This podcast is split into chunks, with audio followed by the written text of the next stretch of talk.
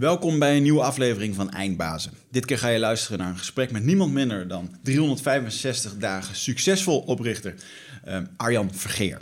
Voordat we dat gaan doen, ga ik jullie even meenemen met de algemene mededelingen. En dat is dat deze, dat deze podcast wordt gesponsord door niemand minder dan Nutrofit. Nutrofit.nl is het bedrijf, het voedings- en gezondheidssupplementenbedrijf van mij, Michel. Uh, daar kan je terecht voor allerlei gave merken zoals Onnit, wellicht bekend als je Joe Rogan wel eens uh, luistert, de podcast. Dan praat hij vaak over Onnit en, en haar producten zoals Alpha Brain. Hele gave producten voor als je een keertje beter moet presteren, je brein nodig hebt. Dan, of je wil de woorden vinden op het moment dat je op het podium zit, of je wil meer in een creatieve flow zitten, dan hebben wij zogenaamde nootropica voor je. Ja, waanzinnige merken. Overigens geheel risicovrij. Je kan het gewoon bestellen. Als het niet werkt, mag je het terugsturen. Krijg je je geld terug. Want wij durven zo erg ernstig achter onze producten te staan. Uh, dat we dat durven te garanderen. En uh, nou goed, kijk daarvoor eens eventjes op nutrifit.nl. Uh, tevens ook voor um, Bulletproof Coffee. Ik heb hem nu toevallig hier in mijn hand. Of ik zit hem net eigenlijk te drinken op deze zondagochtend. En uh, Bulletproof Coffee is die koffie waar je boter en MCT-olie bij gooit. Dat is een kokosvet. Dat zorgt ervoor dat je uh, ja, heel erg helder blijft van geest. Dat je minder honger hebt. En dat je een uh, hele productieve ochtend kan gaan, uh, kan gaan hebben. Dat zijn allemaal mooie biohacks. En biohacks, dat zijn allerlei methoden waardoor je effectiever en simpeler gebruik kan maken van, ja, van je lichaam. En hoe je wat makkelijker door het leven kan navigeren zogenaamde biohackers, een mooie term. Ga ervoor eens eventjes naar nutrifit.nl en gebruik de kortingcode EINDBAZEN. Daar kun je dan uh, 5% korting krijgen. En daarmee sponsor je indirect ook nog eens een keertje een beetje de podcast uh, Eindbazen. Dus daarvoor dank. Dan hebben we een algemene mededeling als het gaat om datums. 14 oktober, dan organiseer ik, Wigert, weer een workshop overleven in de moderne jungle. Vorige keer was dat een succes, was heel snel uitverkocht. En echt een waanzinnige dag gehad. Daarom denk ik, nou weet je, ik ga er gewoon nog eentje doen. En op het moment dat jij nu zegt van, wat is het dan? Het is een dag waarin we persoonlijke groei uh, theoretisch gaan behandelen. Maar we gaan ook kijken naar dynamische meditaties, bioenergetics en um, ademwerk. En uh, die combi, ja, die werkt heel erg uh, transformatief. Dat heb ik ook wel gemerkt op die dag. Die dag die overigens een 8,8 gemiddeld kreeg van de deelnemers. Dus een waanzinnig cijfer. En uh, ja, als je nou zegt van ik vind het lastig om bij mijn gevoel te komen. Ik zit heel veel in mijn hoofd. Ik vind het moeilijk om keuzes te maken. Ik vind het lastig om nee te zeggen. Uh, dat zijn allemaal dingen die ervoor zorgen dat je niet vooruit komt. En uh, nou, dan is deze workshop perfect voor je om daar wat knopen door te hakken. kan je wel garanderen, het wordt super oncomfortabel. Dat heeft iedereen, iedereen ook vorige keer uh, ondervonden. Uh, maar wel, daar ligt wel de transformatie. En dat was ook zeker wat uh, de feedback was daarna. Dus kijk ervoor eventjes op wichertmeerman.com slash overleven in de moderne jungle. En ik hoop dat je erbij bent op 14 oktober. Nou, als je dan bij mij in de workshop bent geweest, kan je een week later kan je gelijk door. Ga je naar Michel. Michel die organiseert namelijk een, een workshop vanuit zijn uh, 12 Waves. En 12 Waves, dat is zijn uh, persoonlijk leider, leiderschapsprogramma. Um, en op die dag, 23 en 24 oktober, organiseert hij een evenement, een live crafting evenement. effectiviteit en workflow. Dus hoe kan ik nou al die grote dromen en al die dingen die ik wil, in kleine stukjes hakken, daar een gedegen plan van maken en met structuur mee aan de slag.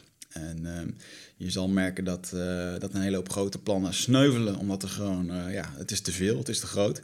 En op het moment dat je dat ervaart, nou, dan is deze workshop uh, perfect voor je. Hij doet dat samen met, met Jeanette Geus, ook bij ons in de podcast geweest. Dus daarbij ben je van harte welkom. Kijk eventjes op de Facebookpagina van 12 Waves onder het kopje evenementen en daar vind je dit. Dan gaan we door naar de podcast. Niemand minder dan Arjan Vergeer. Ik vond het heel erg tof om Arjan in de studio te hebben. Want 365 dagen succesvol uh, is echt wel een dingetje in Nederland. Daar doen heel veel mensen aan mee. Um, en ja, als het gaat om persoonlijk leiderschap en persoonlijke groei, dan zijn er maar een aantal die, uh, ja, die echt hele volle zalen trekken. Uh, maar een volle zaal in de Amsterdam Arena, ja, dan ben je echt wel een eindbaas. Binnenkort, ik denk als je deze podcast luistert, dan heb je nog tijd om een kaartje te kopen voor hun super relatieweekend in 2018. Ehm, nou, de naam zegt het al, hè, dat gaat dan over relaties. En dit is in al Amsterdam Arena. Ja, dit krijgen ze gewoon vol, jongens. En daar moet ik toch wel van zeggen, daar eh, geef ik ze dikke complimenten voor hoe dat ze dat doen. Hun missie is om eh, Nederland weer het gelukkigste land ter wereld te maken. Er zit een mooi verhaal achter.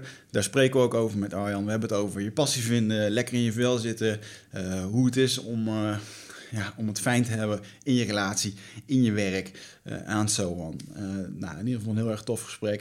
Ik was blij dat, uh, dat Arjan bij ons was. En zeer inspirerend. ik hoop dat het jou ook inspireert. Enjoy deze podcast. Eindbazen wordt gesponsord door Nutrofit.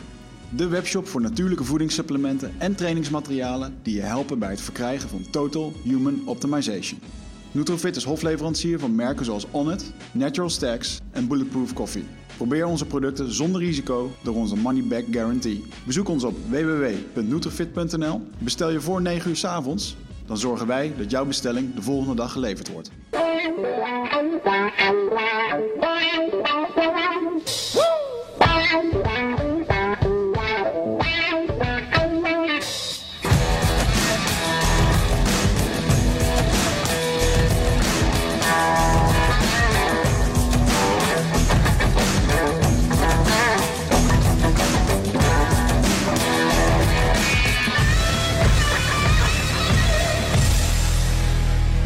We rollen. We rollen. We rollen. Rolt deze meneer ook? Ja, die rollen ook. Die meneer ook. Ja, staan we aan. Ja. Test, test. Ben jij 365 dagen gelukkig? Ik, uh, ja, zeker.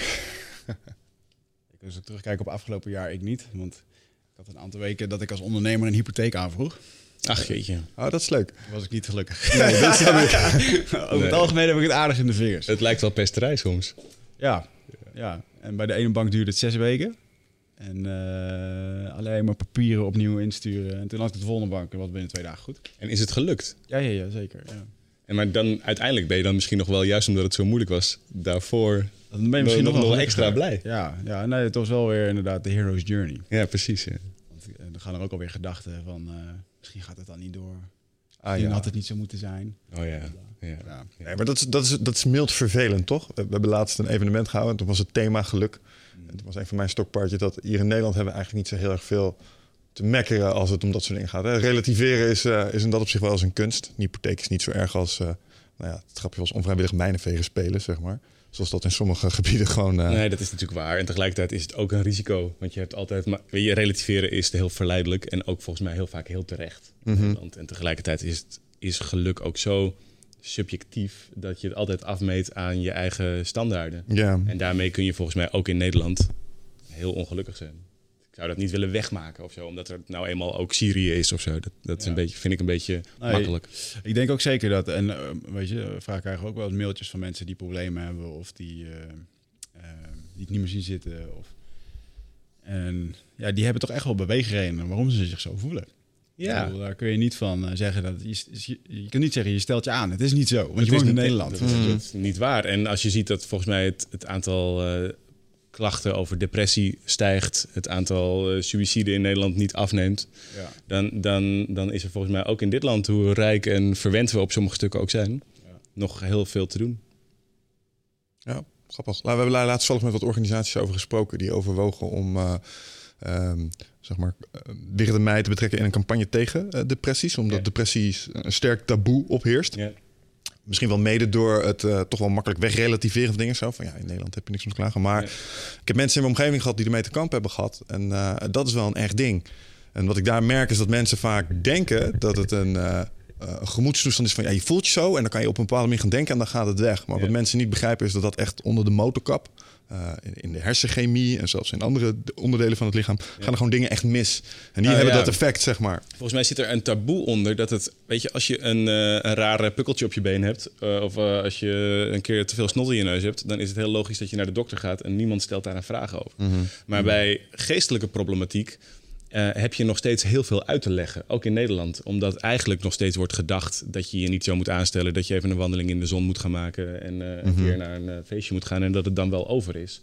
En volgens mij door dat taboe het onderscheid wat eigenlijk wordt gemaakt nog tussen fysiek ziek zijn en geestelijk ziek zijn, daardoor ehm, is er veel te weinig kennis over. in Nederland. En dus zijn mensen, denk ik, nog wat onzorgvuldig met hun reacties. Mhm. Maar goed, het is tegelijkertijd aan het veranderen. Dus ik ben ook wel optimistisch. Ja, nou, het dan, laatst hadden wij, wij ook een groepje ondernemers die we begeleiden. En eh er gaat dan ook iemand eh, een keer de stap maken om naar een psycholoog te willen. Ja. Om, zich, om gewoon om zichzelf beter te, Ja. te leren kennen. Ja. Eigenlijk is het ook gewoon een vorm van coaching. En die gaat dan gewoon naar de huisarts. En die huisarts zegt, je bent gewoon niet ziek genoeg. Ik kan niks voor je doen, weet je wel. En eh, dus dat, dat is wel een beetje het systeem waar we in hangen. Ja. Je moet eerst, het idee is dat je eerst ziek moet zijn om beter te worden. En sterker nog, dat als je ook kijkt, de opleiding die studenten volgen die eh, eh, in die hoek terechtkomt, die heet ook geneeskunde. Ja. En dat veronderstelt dat je dus. Eigenlijk hebben we het een heel industrie opgetuigd die ervan afhankelijk is dat we ziek worden. In plaats van, je had het ook, waarom noem je die opleiding niet gezondheid? En, eh, ja, en ga je, ga je mensen voorlichten over gezond zijn. In plaats van, ze- weet je, sommige dingen zijn niet te voorkomen. Dus er zullen altijd eh, de ziektes ge- ge- gefixt moeten worden, natuurlijk.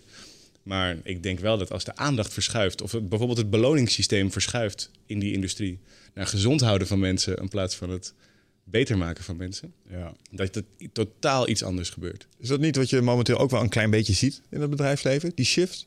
Hè, dat noemen ze dan eh, met een hip woord daar in HRM-land eh, duurzame inzetbaarheid. We snappen Ja. dat mensen, als we ze over de kling jagen, eh, op de lange termijn omvallen. Dat is, niet, dat is niet prettig. We willen ze graag gezond houden. Vraag me wel eens af, wat is dan de motivatie er precies achter?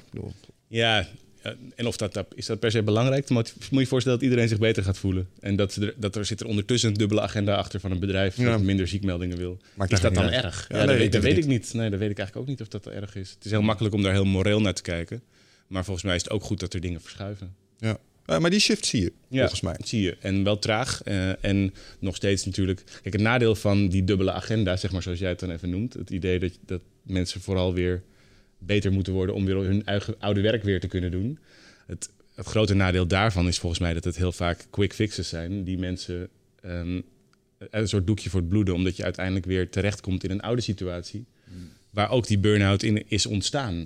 En ja, dan ga je dus een soort van labmiddelen gebruiken... om iemand in die oude situatie weer zijn werk te kunnen laten doen. En dat, Ja. dat is uiteindelijk volgens mij juist geen duurzame inzetbaarheid. Nou, daar, daar heb je ook een, een onderwerpje te pakken. Joh, eh, burn-out, weet je, dat, dat is ook eh, zo'n typisch zo'n... Nou, het is een fysieke klacht, maar ook een mentale klacht. Maar Ja. daar kleeft ook zo'n ongelooflijk taboe op. Ik, weet, ik weet nog het gevoel van eh, falen dat ik had toen, toen, toen je moest toegeven... ja, ik kan het gewoon niet meer, Nee. zeg maar. En dat... ja, sommige bedrijfsculturen met name, ehm, zeker als je een beetje probeert te klimmen... dan eh, wordt dat... eh, nou, een beetje met de nek aangekeken, wil ik niet zeggen. Maar je hebt het gevoel nou, dat je gebeurt. terugvalt in de, in, in, de, status, zeg maar. Ja, zeker. Ja, al- ja, goed. En daar zit zoveel. Alleen al dat hiërarchisch denken is natuurlijk een van de redenen waarom het, zo, waarom het überhaupt gebeurt, denk ik. Ehm, m- maar daar, daar zit zo. Als je kijkt naar, naar burn-out, dan is het volgens mij is dat alleen maar groter wordend probleem. Terwijl je zou kunnen zeggen dat eh, eh, al, al honderd keer is er voorspeld met nieuwe technologie zullen we het minder eh, druk krijgen. Al honderd jaar geleden werd natuurlijk gezegd. Volgens mij was het Keynes, die econoom, die zei dat we nog maar eh 16 uur zouden werken of zo als, in, in deze eeuw. En je ziet precies het tegenovergestelde gebeuren, omdat dat nou ja, de, blijkbaar met ons ook de lat meegroeit. Ja, ik denk dat die nieuwe technologie niet zozeer zorgt dat we minder werk krijgen. Gewoon betekent dat we ander werk kunnen laten doen door iets anders of door software. Maar dat we zelf gewoon... Ja, je moet gewoon je uren maken. Dat zit er zo Ja, ingeworteld. dat en het, dat, het grote nadeel is volgens mij dat het onderscheid tussen aan en uit is weg. Want je bent namelijk thuis op de bank. Het is 24 uur. Je bent nog gewoon net zo hard je e-mail aan het checken. En dat is volgens mij, dat is echt heel, eh, dat kan zelfs gevaarlijk zijn, denk ik. Ja, ik, ik zat er laatst aan te denken, joh. Toen in één keer eh, zag ik zo'n groot geel boek. Kennen jullie dat nog? Telefoonboek. Telefoongids, Nee, je moet, je, dat- moet je voorstellen dat jij nu eh, samen met eh, je compagnon je bedrijf hebt... en dat je gewoon met een hele week met je team erop zit te blokken... wat voor advertentietje dat je erin gaat nemen. Want daardoor ga je gevonden worden. Dat kan je toch niet voorstellen, weet je wel?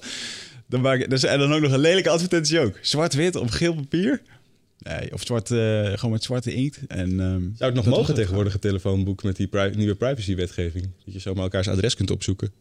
Dat is een goede Eh, vraag. nou, volgens mij eh, moest, je niet, eh, moest je niet opgeven. Dat geven, je, ja, dat ja, is opt-in echt- of of zo. Voor mijn tijd. zijn, weet ik, ja. ik zie het, je kon ik gewoon mensen vinden in een groot boek, joh. En eh, ja, echt een bizar, eh, ja, eigenlijk gewoon een communicatieboek. Dat was gewoon het internet van toen. Ja, moet in het museum.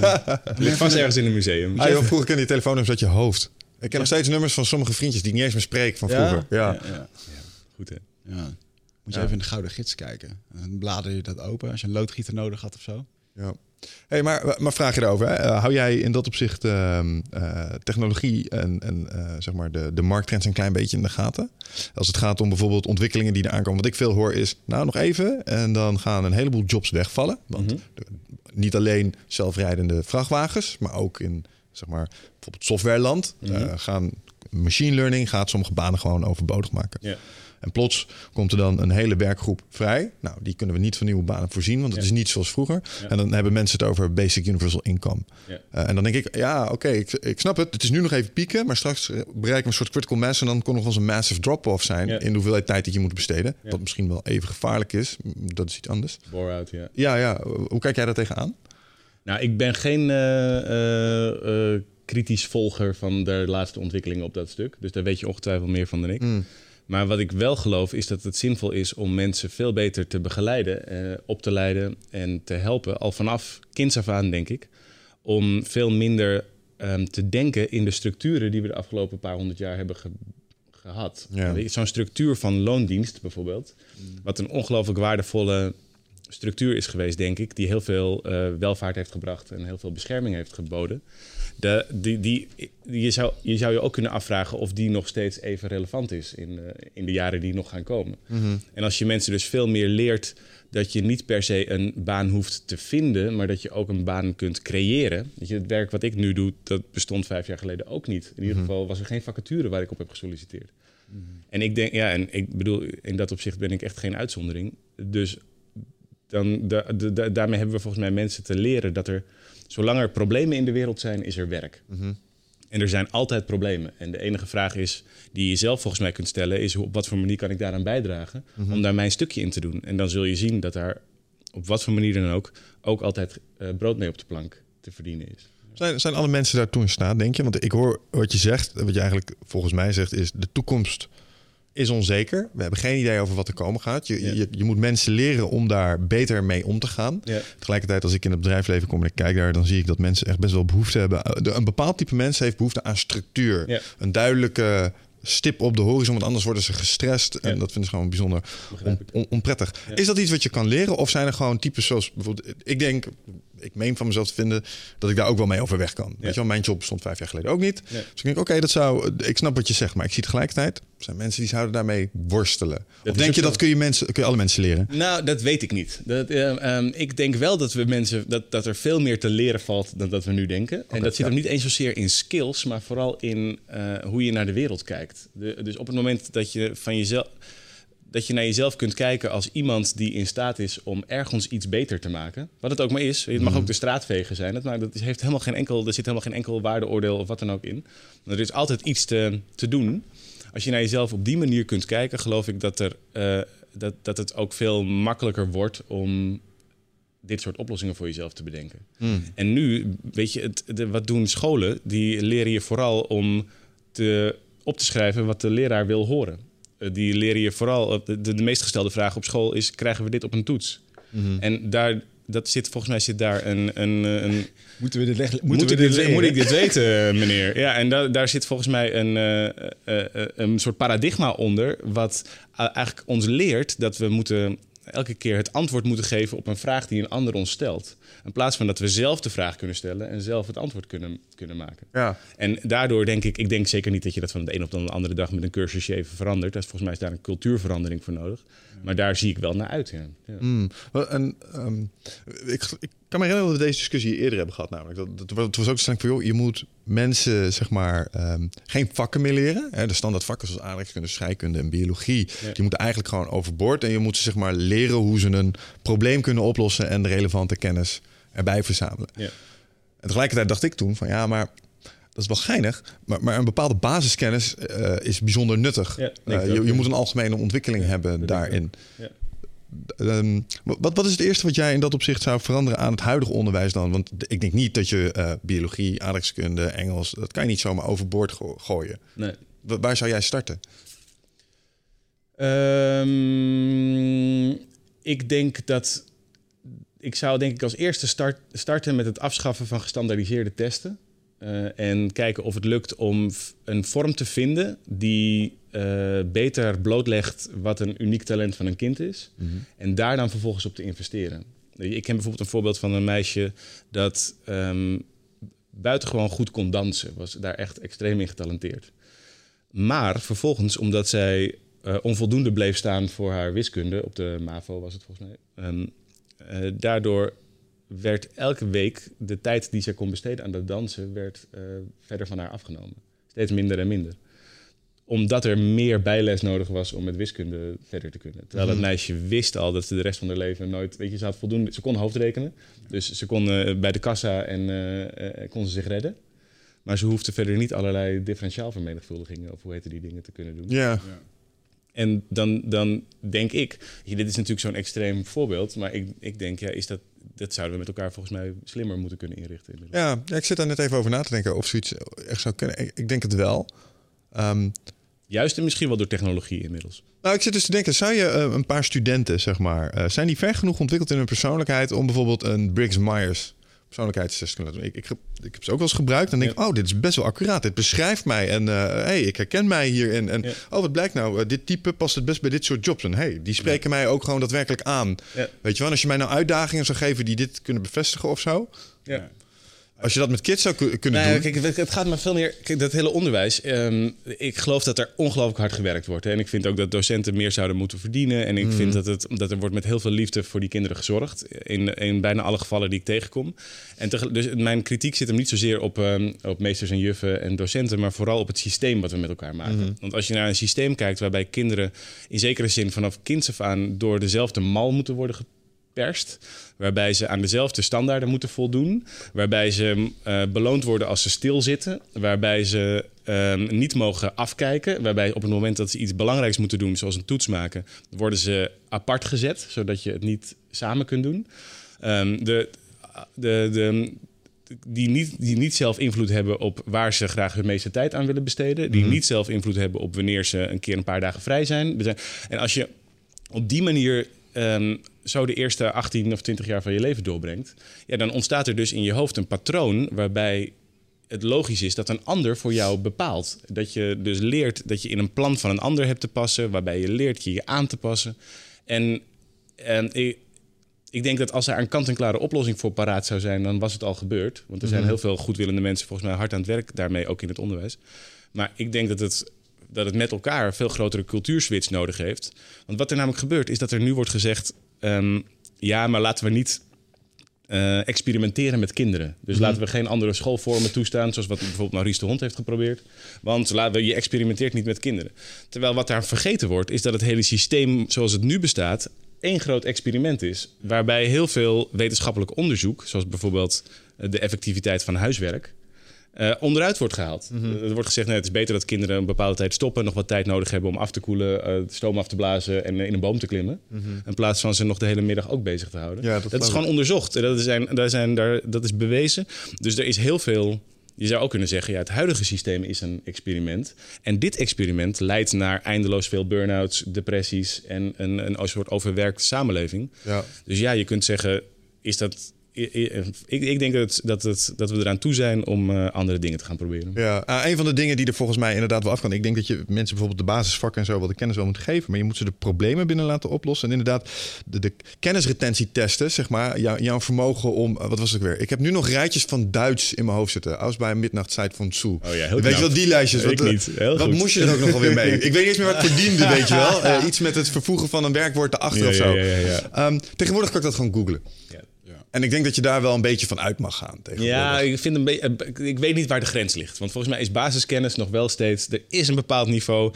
Ook om te kunnen weten wat je opzoekt. En om verbanden te kunnen leggen, patronen mhm. te kunnen zien. Ik geloof wel in een bepaalde basiskennis. De vraag is alleen of die ontstaat door stampen, door toetsen en door dat soort dingen. Of dat er ook andere vormen zijn. Veel meer ontdekkenderwijs, veel meer volgen wat de natuurlijke interesses van een kind zijn. Mhm. En er zijn voldoende scholen die daar op dit moment al mee experimenteren. En wat, en wat vind je van het, uh, het idee wat ik, ik, ik hoor je zeggen van uh, kinderen worden nu in een bepaald regime gedrukt, ja. een bepaald patroon. Ja. En tegelijkertijd denk ik, ja, dat is wel logisch, want ze worden een soort van klaargestoomd voor wat ze daarna te wachten staat. Want dan ga je het bedrijfsleven in, ook een soort van patroon. Helaas, ja. Uh, ja, precies, helaas. Maar tegelijkertijd, ik snap dat het een doel dient. Um, ik kan me voorstellen als je erover denkt in termen van experimenteren. Van denk ja, als ik die structuur van zo'n groep uh, kids afhaal en ik verplaats mezelf weer even in mijn 15, 16, 14-jarige zelf. Waar gingen mijn interesses naar uit? Nou, zeker niet naar mijn academische activiteiten. Dat, dat ging heel ergens anders heen. en als mijn vader me niet een beetje achter de broek aan stellen over die cijfers, weet je wel, uh, dan had ik andere keuzes met mijn tijd gemaakt. Uh, wat vind je daarvan? Ik ben geen anarchist. Dus, het hoeft, dus ik, de, ik geloof wel in, in systemen of in structuren. Alleen als je goed kijkt, dit, dit, onderwijs zoals we het nu in de meeste scholen nog steeds gebruiken, is ongeveer in, in dezelfde tijd ontstaan als uh, de, de, de fabrieken die voor het eerst lopende bandstructuren ja, ja, werkten. Ja, is... Een soort massaproductie, uh, gericht op effectiviteit, uh, efficiëntie eigenlijk vooral, gericht op efficiëntie. En, en zo is natuurlijk ik maak er een beetje een karikatuur van, maar zo is een heel groot deel van het onderwijs nog steeds wel ingericht. Een combinatie van lopende bandfabrieken en militaire structuren. En als je dat en eh, ik, mijn vraag is, als je het opnieuw zou inrichten met alles wat we nu weten over hoe kinderen leren, hoe kinderen werken, hoe de samenleving uiteindelijk eruit, hoe we willen dat die eruit ziet, zou je het dan op dezelfde manier inrichten? Door kinderen van vier jaar oud tot 18 jaar oud in één gebouw te zetten, eh, daar op vaste tijden vaste lessen te laten doen. Elk kind, waar het ook maar vandaan komt, wat het ook maar weet, alleen maar op basis van leeftijd dezelfde toetsen te laten doen. Er zit zoveel gekkigheid in. Mm ja, dat en dat, uh, nou ja, dat ja. daar, eh, ja, daar, ik zou dat. Ik weet niet of daar een kant-en-klare oplossing voor is, maar ik zou het heel fijn vinden als we met elkaar dat systeem gaan bewegen. Ja, je hebt ook een, uh, ik refereer er wel eens vaker naar, een boek van Erich Fromm. Uh, Zo'n psycholoog die beschrijft ook uh, dat die industrialisatie, werken in fabrieken, dat zorgt ook voor een onwijze verbinding. Want we hebben allemaal hetzelfde. Ja. Weet je nog dat, als je nu zo'n film kijkt die even terugblikt naar de jaren 60 in, in Amerika, van die vierkante blokken met allemaal perfect gras, uh, mm, grasgemaaide tuintjes en autootjes. Dat was de perfect life. Maar ook in de fabriek werken. En dat zorgt voor een onwijze eenheid. Als je daar niet bij werkte, dan werden gewoon mensen van het land afgehaald. Zo van, joh, juist, zorg dat je in die fabriek kan. Want daar kun je gewoon tot je zestigste werken. Uh, dat was gewoon carrière. Alleen uh, nadeel ervan is dat het gewoon alle passie en creatie dood. Waardoor mensen doodongelukkig worden. Ja, en ik weet, weet je, mensen, natuurlijk willen mensen ergens onderdeel van zijn. Dat, en het is een menselijke basisbehoefte om je te verbinden, mm. volgens mij. Want dat maakt je mens ook in verhouding tot anderen. Dus, dus op het moment dat dat niet de fabrieken zijn, dan ontstaan daar wel andere structuren. En volgens mij is daar heel veel ruimte voor om dat uh, op manieren te doen die juist wel die creativiteit bevorderen. Ja. In plaats van de nek omdraaien. Ja. Ik hoorde je daar net iets in zeggen. En uh, je had het net even over, uh, we denken graag in, uh, we voelen die verbondenheid. We moesten denken aan stammen. Toen ja. kwamen we even een stuk op dat stukje hiërarchie, waar we het net over hadden. En toen meen ik daarin in, in door te horen van, joh, dat zou ook misschien wel eens iets kunnen zijn wat op de schop moet. Het, het hiërarchisch denken. Ja. Um, Kun je daar nog eens even iets meer over vertellen? Want dat, dat sluit hier natuurlijk bij aan als het gaat om... Uh, waarom doe je dit? Nou, je, je, wil als mens wil je klimmen in een bepaalde status... en daarom willen wij bepaald werk. Uh, het heeft ons altijd goed gediend, die structuren. Mm Maar is het misschien inmiddels zover dat het ons voor de voeten gaat lopen of zo? Nee, de basisgedachte van een, uh, van een hiërarchie is dat is eigenlijk een tekortgedachte. Want als je goed kijkt naar de vorm van een hiërarchie, is het een piramide. En dat betekent dat het bovenaan de top steeds smaller wordt. Dus eigenlijk, eigenlijk is het het, de, het idee, er kan er maar één de beste zijn. Of er hmm. kan er maar één de baas zijn.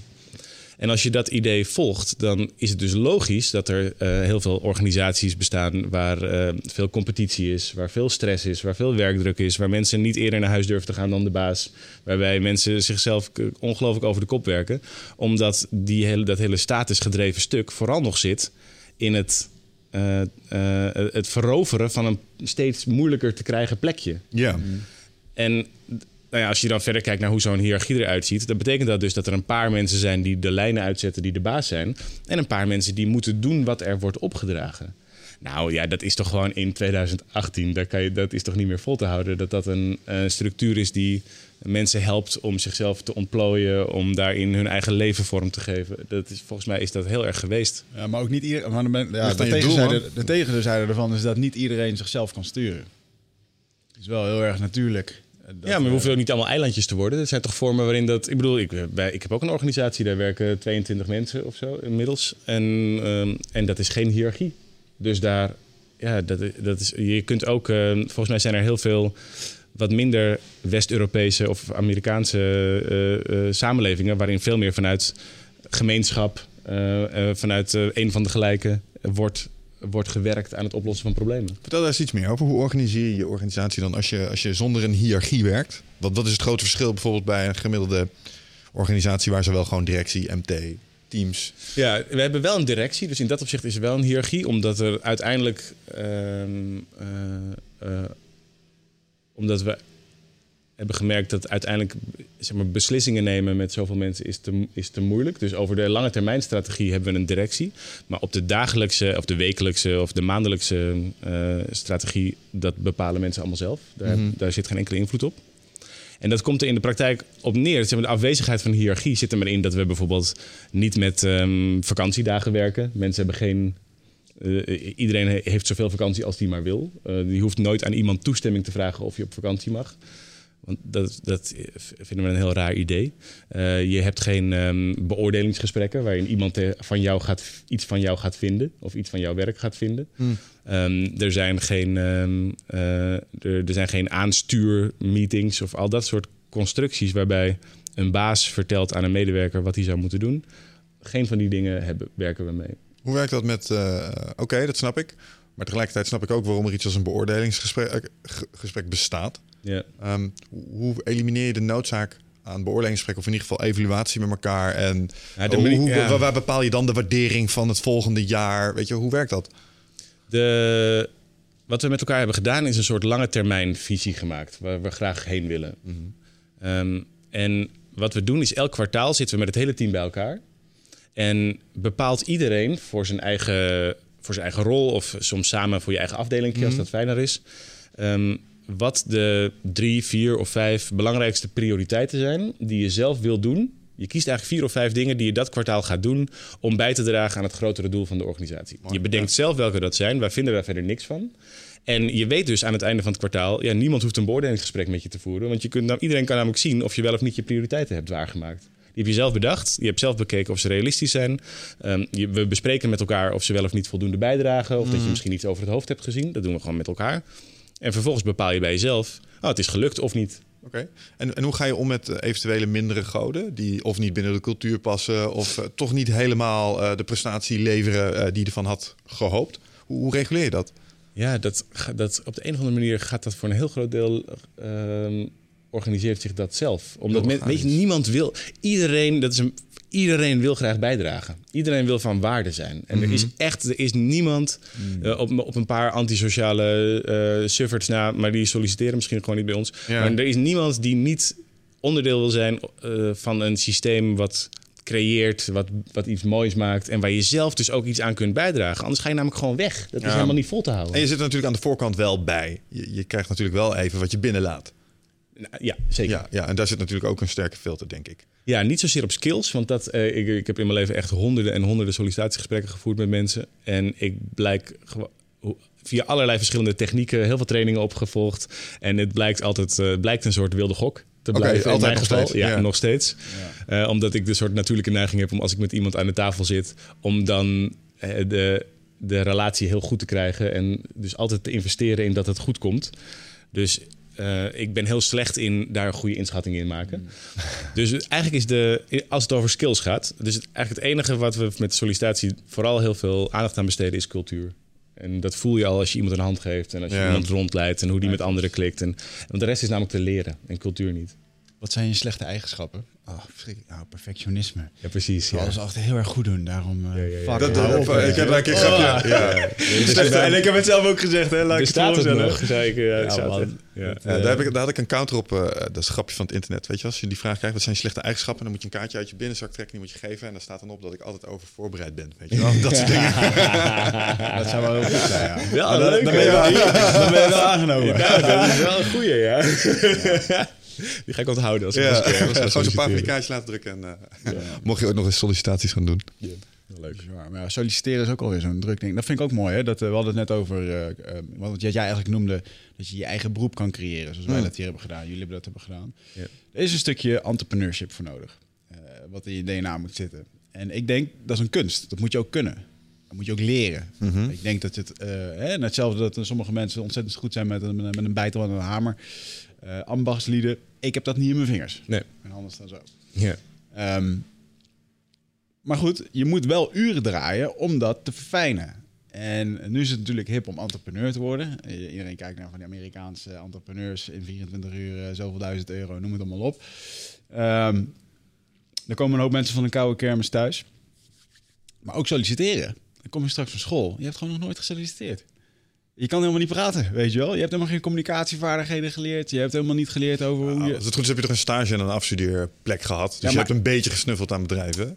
Ja, maar echt sollicite- solliciteren is ook gewoon een vak. Het is gewoon gesprekken voeren. is onderhandelen, doen. Ja, wat ik me En, met name eh, nog herinner was de paradox dat er eh, overal voor alle startposities was ervaring vereist. Ja. Hé, maar jongens, dan ben je toch geen starter meer als je die ervaring niet hebt. Dan moet je een beetje, ja, mazzel mee hebben of zo. Hoe gaan jullie daarmee om? Eh, de- bij ons is geen ervaring vereist. Als de klik goed is, dan... Ik geloof heel erg in dat je met gewone mensen buitengewone dingen kunt doen. Ja. Als, je elkaar, eh, ehm, als je met elkaar een structuur bouwt die daaraan bijdraagt. En dus... voor- Ik ben helemaal niet per se op zoek naar... De, het is bijna zoeken naar de ware. Weet je? Als, je, als je gaat trouwen.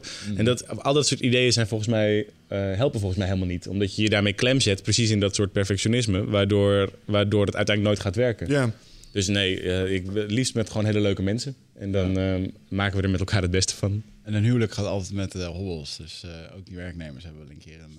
Ja, ik hoop het. Want dat is ook een beetje, dat is toch ook groei. Ja, dat, dat is natuurlijk misschien een beetje cliché, maar op het moment dat het allemaal vanzelf gaat, wordt het ook volgens mij boring. Dus Ja. dat, dat wil je toch niet. Maar goed, mensen ontwikkelen ook en gaan ook door dingen heen. Of er valt een eh, keertje iemand weg. eh, ze- eh, weet je, Ja. kan veel gebeuren in een mensenleven.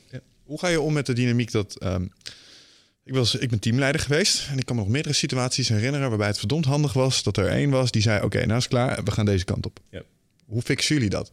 Want als iedereen gelijk is, eh, dan is er niemand, ook eigenlijk tegelijkertijd niemand die de knoop kan of gaan jullie stemmen of zo? En hoe ga je dan Nee. met Thijs? Nee, als er echt. Het, de, de, het, wat zo interessant is, is dat het bijna niet gebeurt. De reden waarom ik denk dat het in veel organisaties wel gebeurt, is omdat er onduidelijkheid is over het kader. En dat kader eh, kun je zien als. We hebben een hele heldere lange termijn missie. En we hebben daarnaast een aantal waarden geformuleerd, volgens welke we graag ons werk doen. En de, de grap is, is dat je daarmee een soort van. Eh, Ik, ik heb, in mijn hoofd vergelijk ik het wel als een soort bowlingbaan. baan. Je weet precies waar, waar het heen moet. En je weet ook precies binnen welke randjes Ja, je ja, ja, ja. En dan is er dus niet zo heel veel discussie over of je iets wel of niet moet doen. En e- eigenlijk is de, de, de cultuur bij ons meer als iemand een heel goed idee heeft en er vol van overtuigd is dat hij dat moet gaan doen, ga dan maar doen en prove us wrong. Weet je, dat is, dat is veel, volgens mij veel leuker dan, ehm, dan de hele tijd maar van tevoren proberen in te schatten of iets wel of niet gaat werken. Ik kan me ook voorstellen dat het ontzettend veel energie geeft voor de desbetreffende. Dat De- motiveert als een malle, ja. Ja, maar moet je je voorstellen dat je de hele tijd graag iets wil bijdragen, mooie dingen wil maken en dat er dan de hele tijd iemand met een stropdas tegen je zegt dat dat eh, niet zo'n goed idee is. Mhm. Nou, ik, dan ga je toch meteen gillend een andere baan zoeken.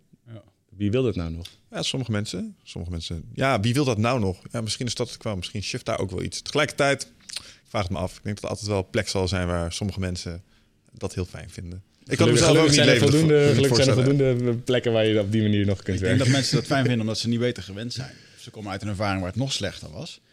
Maar er zijn een hele hoop mensen die hebben, die hebben echt geen idee wat er bij jullie op kantoor eh, dat dat bestaat. Nee, dat zou kunnen. Dus dat is gewoon een oud patroon waar mensen in zitten. En denken dat het, Dat het normaal is, ja. ja. en daarom vinden ze het zelfs fijn of zo. Ja, het is natuurlijk een soort verlenging van je schoolperiode. Je hebt de eerste twintig jaar geleerd dat je ergens aan moet voldoen. Dat je iemand geeft jou een cijfer aan het einde van de, van de periode. Je mag niet afkijken. En vervolgens dan, dan ga je aan het werk. En wat ga je dan doen? Nou, dan ga je niet afkijken. Want samenwerken heb je eigenlijk nooit geleerd. Je gaat het proberen zo goed mogelijk te doen in de ogen van degene die voor de klas staat. Ben je vaak betrapt met afkijken? Het is de tweede keer dat je erover begint. Ja, ik zei, ja, je maakt het heel vaak voorbij. ik denk, ja, het is inderdaad Nee, ja, nee, nee. Ik, ik, ik was, ik, ik heb wel eens afgekeken, maar, maar, maar het, eh, ik, ik was er nooit heel goed in. Ik had van die vriendinnen die dan echt op de gekste plekken eh, wisten die allerlei constructies nog op te schrijven voor wiskundige formules en zo, maar dat kon ik nooit. Die briefjes. Ja, maar ehm, eh, Als ze zo... eh, Ja. ja, ja, ja, ja, ja.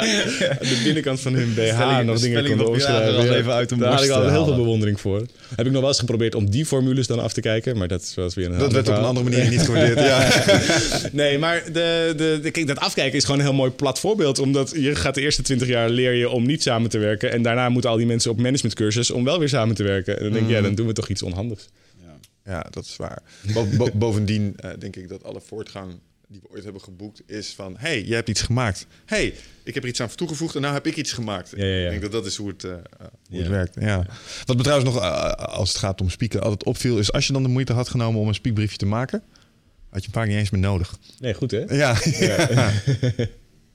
Wat waren vakken waar jij uh, spiekte weg? Alles. Alles? Uh, ja, ik zat in... Mijn HBO heb ik wel echt... Uh, had ik gewoon een regeling met... Dat is later mijn vriendin geworden. Er zat toen een meisje in mijn klas. Uh, waarbij we alle twee heel erg konden vertellen over hoe slecht onze relatie ging. En toen later we van school afgingen, is dat mijn vriendin geworden. Mooi, maar in ieder geval, we hadden toen een deal. Ik deed uh, management en organisatie. En zij deden economische vakken. Mm. En dan leerde ik de ene... Uh, of, dat was eigenlijk grappig. Ik, ik hoefde eigenlijk niet dat ene te leren, want dat begreep ik gewoon. En zij had het net andersom. Ah, ik heb me daar echt. Uh... Dat is heel grappig. Weet je nog dat wij met Dick Swaap zaten te kletsen? Mm -hmm. En dat hij wel eens vertelde dat hij nog wel eens een droom had die altijd bij hem terugkwam. Ja, ja, ja. Ik had het daar toevallig dat dit in mijn hoofd zat. Laatst had ik het daar met mijn vriendin over. Toen werd ik weer een keer wakker met de droom die mij altijd achtervolgt. En dat is de droom dat ik wakker word en dat ik uh, de leeftijd heb die ik nu ben, mm -hmm. 35. Maar dat ik nog steeds twee vakken moet doen en dat ik daardoor mijn HBO-diploma niet haal. En dat ik daar fucking stress van heb. En dan word ik wakker. En dat is echt iets dat, laatst besefte ik dat te denken, dat blijft me, terug, blijft me terugkomen. En dat is gewoon um, buiten de boot vallen. Of, uh, en hoe fijn is het als je dan wakker wordt? En dan word je wakker en denk oh, want Fuck, ik, heb, hoeft niet. ik heb dat dus gehad, hè, dat ik gewoon nog een jaar lang uh, op school moest voor twee vakken of zo. Dus dat ik nog een jaar lang studiefinanciering te trekken. Jongen, het is zo'n wassen neus, weet je. En uh, ja, dat... Ik ben blij dat ik daar vanaf ben. Ja, dat snap ik. Maar ja, aan de andere kant, uh, dan kom je in het bedrijfsleven. Nou, je refereerde net ook al een beetje naar. Dan, dan kom je erachter dat je nog een heleboel te leren hebt. Ja. En uh, misschien is dat wel eens een, uh, um, een aardig bruggetje naar wat je eigenlijk daadwerkelijk naar de studio heeft gebracht. We zijn al eindje onderweg, maar we hebben eigenlijk nog helemaal niet gehad over hoe wij jou kennen. En in ieder geval jij bij ons op de we radar. zijn al begonnen. Oh. Ja, ja, we zijn al een tijdje bezig. Oh, hij stond uit. Shit. um, met 365 dagen succesvol. Ja. En um, waar ik ernstig afgunstig op ben, is als ik dan kijk dat jullie in mijn hometown Deventer gewoon een volle uh, schouwburg uh, trekken. Uh, jullie gaan heel Nederland door. Jullie helpen mensen met dit concept. Ik denk dat jullie dat doen voor professionals, maar ook gewoon voor mensen die zelfstandig ondernemers zijn en dat soort dingen. Maar jullie leren ze daar een aantal dingen. En de lessen die jullie leren hebben, daar gaan mensen op aan. Ja. Um, als ik kijk naar de reacties op jullie, het is altijd positief. Het, is, het heeft impact op mensen. Dus het, het, het buigt ze af de goede kant op. Nou, dat vinden wij altijd fascinerend om te kijken hoe je dat voor elkaar krijgt sowieso. Want Menselijk gedrag is, uh, is een fascinerend ding op zich. Ja, ja. Maar, maar, wat leren jullie mensen bij 365 dagen succesvol? Jeetje. Wat, ja, wat, wat, wat is het waarom mensen zo naar jullie toe komen? Zo van, hé, hey, wij willen dit horen wat jullie te zeggen hebben. Want jij, je hebt iets van waarde daar. Dat kan niet anders. Ja, ja nou, thanks. De, ja, de leuk, het is altijd leuk om zo'n opzommingje nog eens te horen. Uh, maar wat, wat leren we? Kijk, we, ons belangrijkste ding wat we mensen leren is om een, een plan te maken voor zichzelf. Mm -hmm. En daar op een liefdevolle manier of zeg maar, vanuit vrede mee te leven. Hmm. Mm. En wat je ziet is volgens mij dat veel mensen hebben niet echt een plan voor zichzelf. En daarmee worden ze automatisch onderdeel van het plan van iemand anders. Ja. En dat kan een leidinggevende zijn of een geliefde. Of uh, heel veel mensen zijn nog tot op hoge leeftijd bezig om hun vader en moeder nog uh, te plezieren.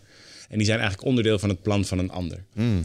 En ik denk dat daar ook veel stress vandaan komt. Want op het moment dat je heel hard werkt voor iets wat je eigenlijk niet in essentie interesseert of raakt, dat je daardoor uh, van jezelf verwijderd raakt. En uh, um, dat heb je te compenseren door heel veel waardering te krijgen en door heel veel uh, applaus te krijgen of geld te verdienen. Ja. En dat is dan eigenlijk vervolgens nooit genoeg, zodat voor je, voor je gevoel die transactie altijd scheef loopt. En ik denk dat als mensen weer leren om vanuit hun eigen verlangen te leven, hun eigen droom um, uh, in het centrum te zetten.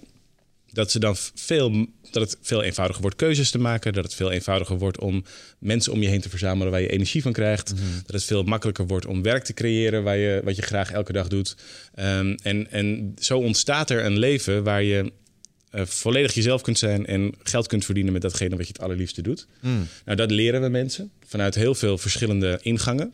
Um, we werken vanuit een, een, vrij cognitieve methodiek in eerste instantie. Het zijn gewoon stappen, uh, zoals dat op heel veel plekken um, uh, je stappenplannetjes kunt Mhm. mm. vinden. En wat we gedaan hebben, is dat vooral in eerste instantie zijn we dat zelf gaan leven om te ervaren wat er dan gebeurt. En dat bleek bij onszelf veel energie te geven en goed te werken. We hebben het opgeschreven nou, en dat, dat sloeg heel erg aan. Maar we combineren het daarnaast, en ik denk dat dat voor heel veel mensen uh, verschil maakt, met een wat spirituelere ingang Mm. Vanuit bijvoorbeeld, we werken heel veel met eh, eh, systeemopstellingen. Ehm, waarbij we kijken niet alleen naar jou als individu, maar bij het systeem waar je eigenlijk uit voortkomt. Dus wat zijn, eh, wat zijn de gedragingen of overtuigingen die je misschien al vanuit je ouders hebt meegekregen? Of die je al vanuit misschien zelfs nog wel een hele mannenlijn of vrouwenlijn hebt meegekregen. En die allemaal in jou samenkomen. En als je er vanuit die manier naar kunt kijken, dan is dat ongelooflijk interessant. Omdat het in eerste instantie meteen je eigen eenzaamheid oplost. Veel mensen leven in een soort fundamentele eenzaamheid. Dat ze op zoek zijn naar veel verbinding en dat eigenlijk elke keer niet lukt. Maar als je ziet dat je onderdeel bent van een groter systeem, dan word je als het ware gedragen. Ik, weet, ik probeer het, uh, het, het, helder uit te leggen, maar ik kan me ook voorstellen dat het nu nog een beetje vaag klinkt als het helemaal nieuw is voor je. Maar dan word je als het ware gedragen. En, um, uh, en, dat, en het geeft je ontzettend veel informatie. Want je kunt in één keer met veel meer nou, een soort van zachtheid naar jezelf kijken. In plaats van wat veel mensen doen, zichzelf een soort van bestraffend door het leven jagen. Van oh, nu heb ik dat weer gedaan en ach, ben ik daar weer, wat ben ik ook een sukkel dat ik dit nou weer doe? Of ben ik weer op die vrouw verliefd geworden? Of heb ik weer die stomme keus gemaakt? Wat ben ik ook? Terwijl als je dat voor jezelf kunt verklaren uit uh, waar je nou eenmaal uit bent gemaakt, mm -hmm. dan geeft dat heel veel uh, rust kun je bijna op leunen. Nou, als je die twee dingen combineert, dus de vrede en de rust die je vindt in het onderdeel zijn van een groter systeem, en dat combineert met een aantal uh, best wel praktische stappen, ja, dan, dan kan dus. Ja, dan kunnen hele gewone mensen buitengewone dingen doen. Klinkt bijna non-dualistisch uh, wat je hier. Uh, ja, geloof ik ook. Ja, ik ja. geloof veel meer in. Ik geloof dat dingen veel meer verbonden zijn dan dat we denken. Dat mm -hmm. er veel meer één geheel is. Oké, okay, dan kun je me misschien hierbij helpen. Komt u, jongens. Uh, een van de dingen, als je non-dualisme een beetje gaat aanhangen. Ja. En uh, ik mag mensen toch wel eens uh, uh, ook wat tips geven over hoe je je leven mag inrichten als het gaat om je persoonlijke effectiviteit. En dat soort dingen. En denk altijd, maar wat ik weet over non-dualiteit leert mij dat ik, ze hebben eigenlijk geen keuze hierover, weet ja. je wel. Um, hoe match je die twee met elkaar? Dus mensen een bepaald pad op willen sturen, terwijl je eigenlijk ook weet, je bent niet meer als het resultaat van je hele geschiedenis. Ja. Hoe, hoe, hoe rijm je die twee met elkaar? Um... Nou, wat ik, het, wat ik een beetje los heb gelaten, is het idee dat ik per se moet weten wat er nou waar is of niet. Dus of het nou bijvoorbeeld die hele discussie over vrije wil en um, uh, um, je kunt daar heel lang over doorgaan, maar je kunt het ook irrelevant verklaren. Mm -hmm. En voor mij, ik denk er gewoon niet over na. En ik heb, ik, voor mij helpt dat is het, nou ja, maar voor mij helpt het heel erg om, uh, uh, om in, de, in het idee te leven dat ik, uh, dat ik zelf keuzes kan maken. En of dat wel of niet zo is, dat maakt me niet uit. Maar het helpt me en daardoor hmm. verklaar ik het voor nu voor mezelf als waar. En, en, en, volgens mij hebben we de neiging om veel te veel op zoek te gaan naar een soort dogma's dat het per se op die manier moet. Een van de eerste dingen die we tegen, als we werken met grote groepen mensen, nu op dit moment volgen 1700 mensen of zo volgen ons jaarprogramma.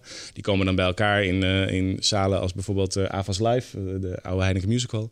En een van de eerste dingen die we tegen mensen zeggen is dat ze niks moeten aannemen van wat we zeggen. En ook dat niks van wat we zeggen waar is. Mm -hmm. Maar dat ze vooral hun eigen, uh, hun eigen versie ervan moeten maken. Ja. Want ja, anders dan zijn ze geen steek opgeschoten. Dan zitten ze namelijk nog steeds in het plan van een ander, maar dan opeens van ons. Ja. En dat is natuurlijk precies niet de bedoeling. Hoe heb je dit geleerd? Want dit is best wel vergevorderde. Uh, dit is eigenlijk gewoon filosofie. Dit is best wel vergevorderde spiritualiteit, vind ik. Als je kunt inzien dat je een onderdeel bent van het grote geheel. En dat het ego daar ja. een illusie in kan zijn. Even ongeacht wat je daar dan van vindt. Mm -hmm. um, maar het is niet iedereen gegeven om daar op die manier over na te denken. En dan ook nog eens mensen daarin mee te gaan nemen op een hele begrijpelijke manier. Ja. Waar is dat voor jou begonnen? Nou, vooral.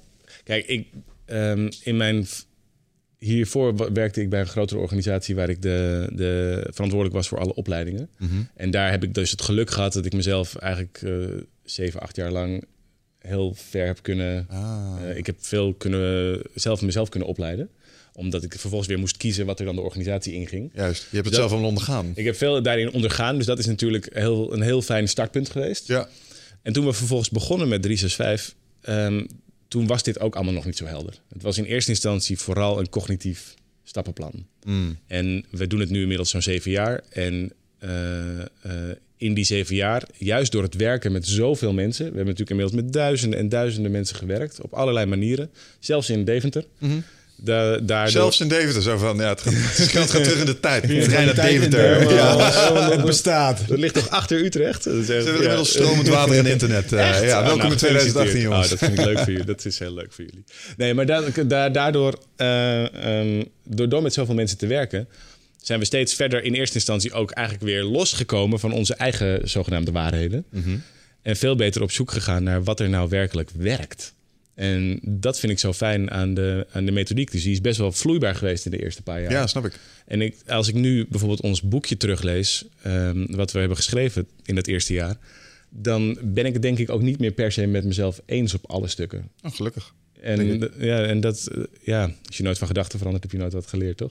Tijd voor een eh, versie 2.0 dan. eh. Ja, dat is eigenlijk wel tijd. Maar tegelijkertijd denk ik ook nog, misschien als je nog nooit eerder over dit soort dingen hebt nagedacht, of het staat ver van je vandaan, dan is het wel nog steeds een hele fijne startersversie. Ja, ik zag Tim Ferriss toevallig, volgens mij schreef hij het laatst in een blog, dat hij heel vaak het verzoek krijgt van, joh, eh, hoe sta je nu tegenover die 4-hour workweek? Zou je dat nog steeds zelf doen? Nu in twee uur. En toen heeft hij het, eh, toen heeft hij het, eh, wat, wat zei hij nou op? Dat hij ehm, het absoluut anders nu zou doen. Alleen dat de basis nog steeds gewoon, dat Ja. was gewoon voor toen. En dus hij laat het ook gewoon zo. Hij gaat daar niet meer aan sleutelen. En, eh, Dat geldt voor ons ook hoor. Want er zitten er zit een, een paar fundamentele ideeën ach- achter. Bijvoorbeeld het idee, wat voor mij zelf heel belangrijk is, dat het niet met revoluties moet gaan. Er zijn natuurlijk heel veel van die, ook in de persoonlijke ontwikkeling, veel van die doorbraak. Of Mm. van die Tony Robbins-achtige over kolen lopen en dan in één keer is je leven beter. Ehm, en ik geloof zelf veel meer juist in de kracht van kleine stapjes. Ja. De- omdat er dan namelijk, dan kun je ook niet vastzitten. Incrementeel, ja. er is altijd wel een heel klein volgend stapje wat je kunt zetten. En dat geeft veel meer rust en uiteindelijk ook volgens mij veel meer duurzame transformatie. Wat wel mooi is, dat die revoluties wel heel, heel krachtig kunnen zijn in het samen zijn. Dat je daar in, de, in de- in de avondshal zit en dat er, dat vind ik altijd mooi ook als we lezingen geven. eh, je zit daar gewoon met, met iedereen heeft zijn eigen shit. Ja. En als iemand dan begint te vertellen, die, die dapper is om dat durft te doen Ja, voor heel dan de komt groep, er magie. dan in één keer dan heb je verbinding. Ja. Oh fuck, hij heeft ook eh, shit met zijn vrouw. Ja, ja, nee, daar zit hem, dat is natuurlijk. Maar dat vind ik dat zelf het mooiste met het werken met die groepen.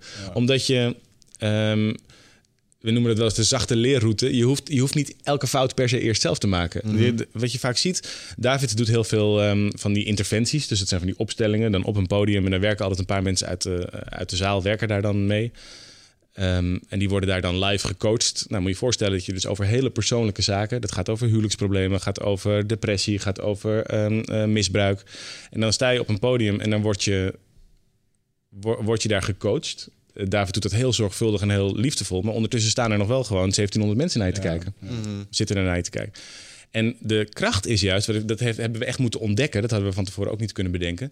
dat het niet alleen voor die mensen op het podium... juist daardoor super krachtig werkt, maar ook voor heel veel mensen in de zaal. Dat die eigenlijk zichzelf daar op het podium zien, zonder dat ze daar per se hebben hoeven staan. Dus veel mensen die daar misschien nog niet aan toe waren om daar zo op die manier mee te werken, op gecoacht te worden, die worden er wel mee geholpen doordat ze zich kunnen verplaatsen in wat iemand anders doormaakt. Makes sense eigenlijk als je nadenkt over waarom we naar films en naar theatervoorstellingen gaan. Naar toneelstukken Ja. kijken. We willen even ons voelen als degene, de hoofdrolspeler of de bad guy of wat dan ook. En dat, daar kunnen we ons in verplaatsen. Dus ja, ik snap. Ja, en, dus, en zelfs in, in, in, ja.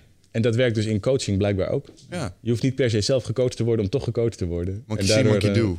Ja, en dat, want veel mensen vragen ons natuurlijk wel van... joh, hoe kan dat nou werken met grote groepen? Maar ik nodig echt iedereen uit. Je mag het ze vragen. Je? Mm. En, en al die mensen zullen je dan ook het verhaal vertellen... over dat juist dit idee dat je dat samen doet... eh, zo helpt. Wat vind jij van dit fenomeen? En ehm, we waren laatst bij Michael Pilacek op eh, Maximum Potential. En die man die doet een groepsmeditatie. Ja. En ik, eh, ik ben, als je deze podcast luistert, weet dat, een behoorlijk nuchtere gast. Mhm. Eh, Een beetje boerenlul soms. Dus, eh, Wie niet? En in het oosten willen daar niet al.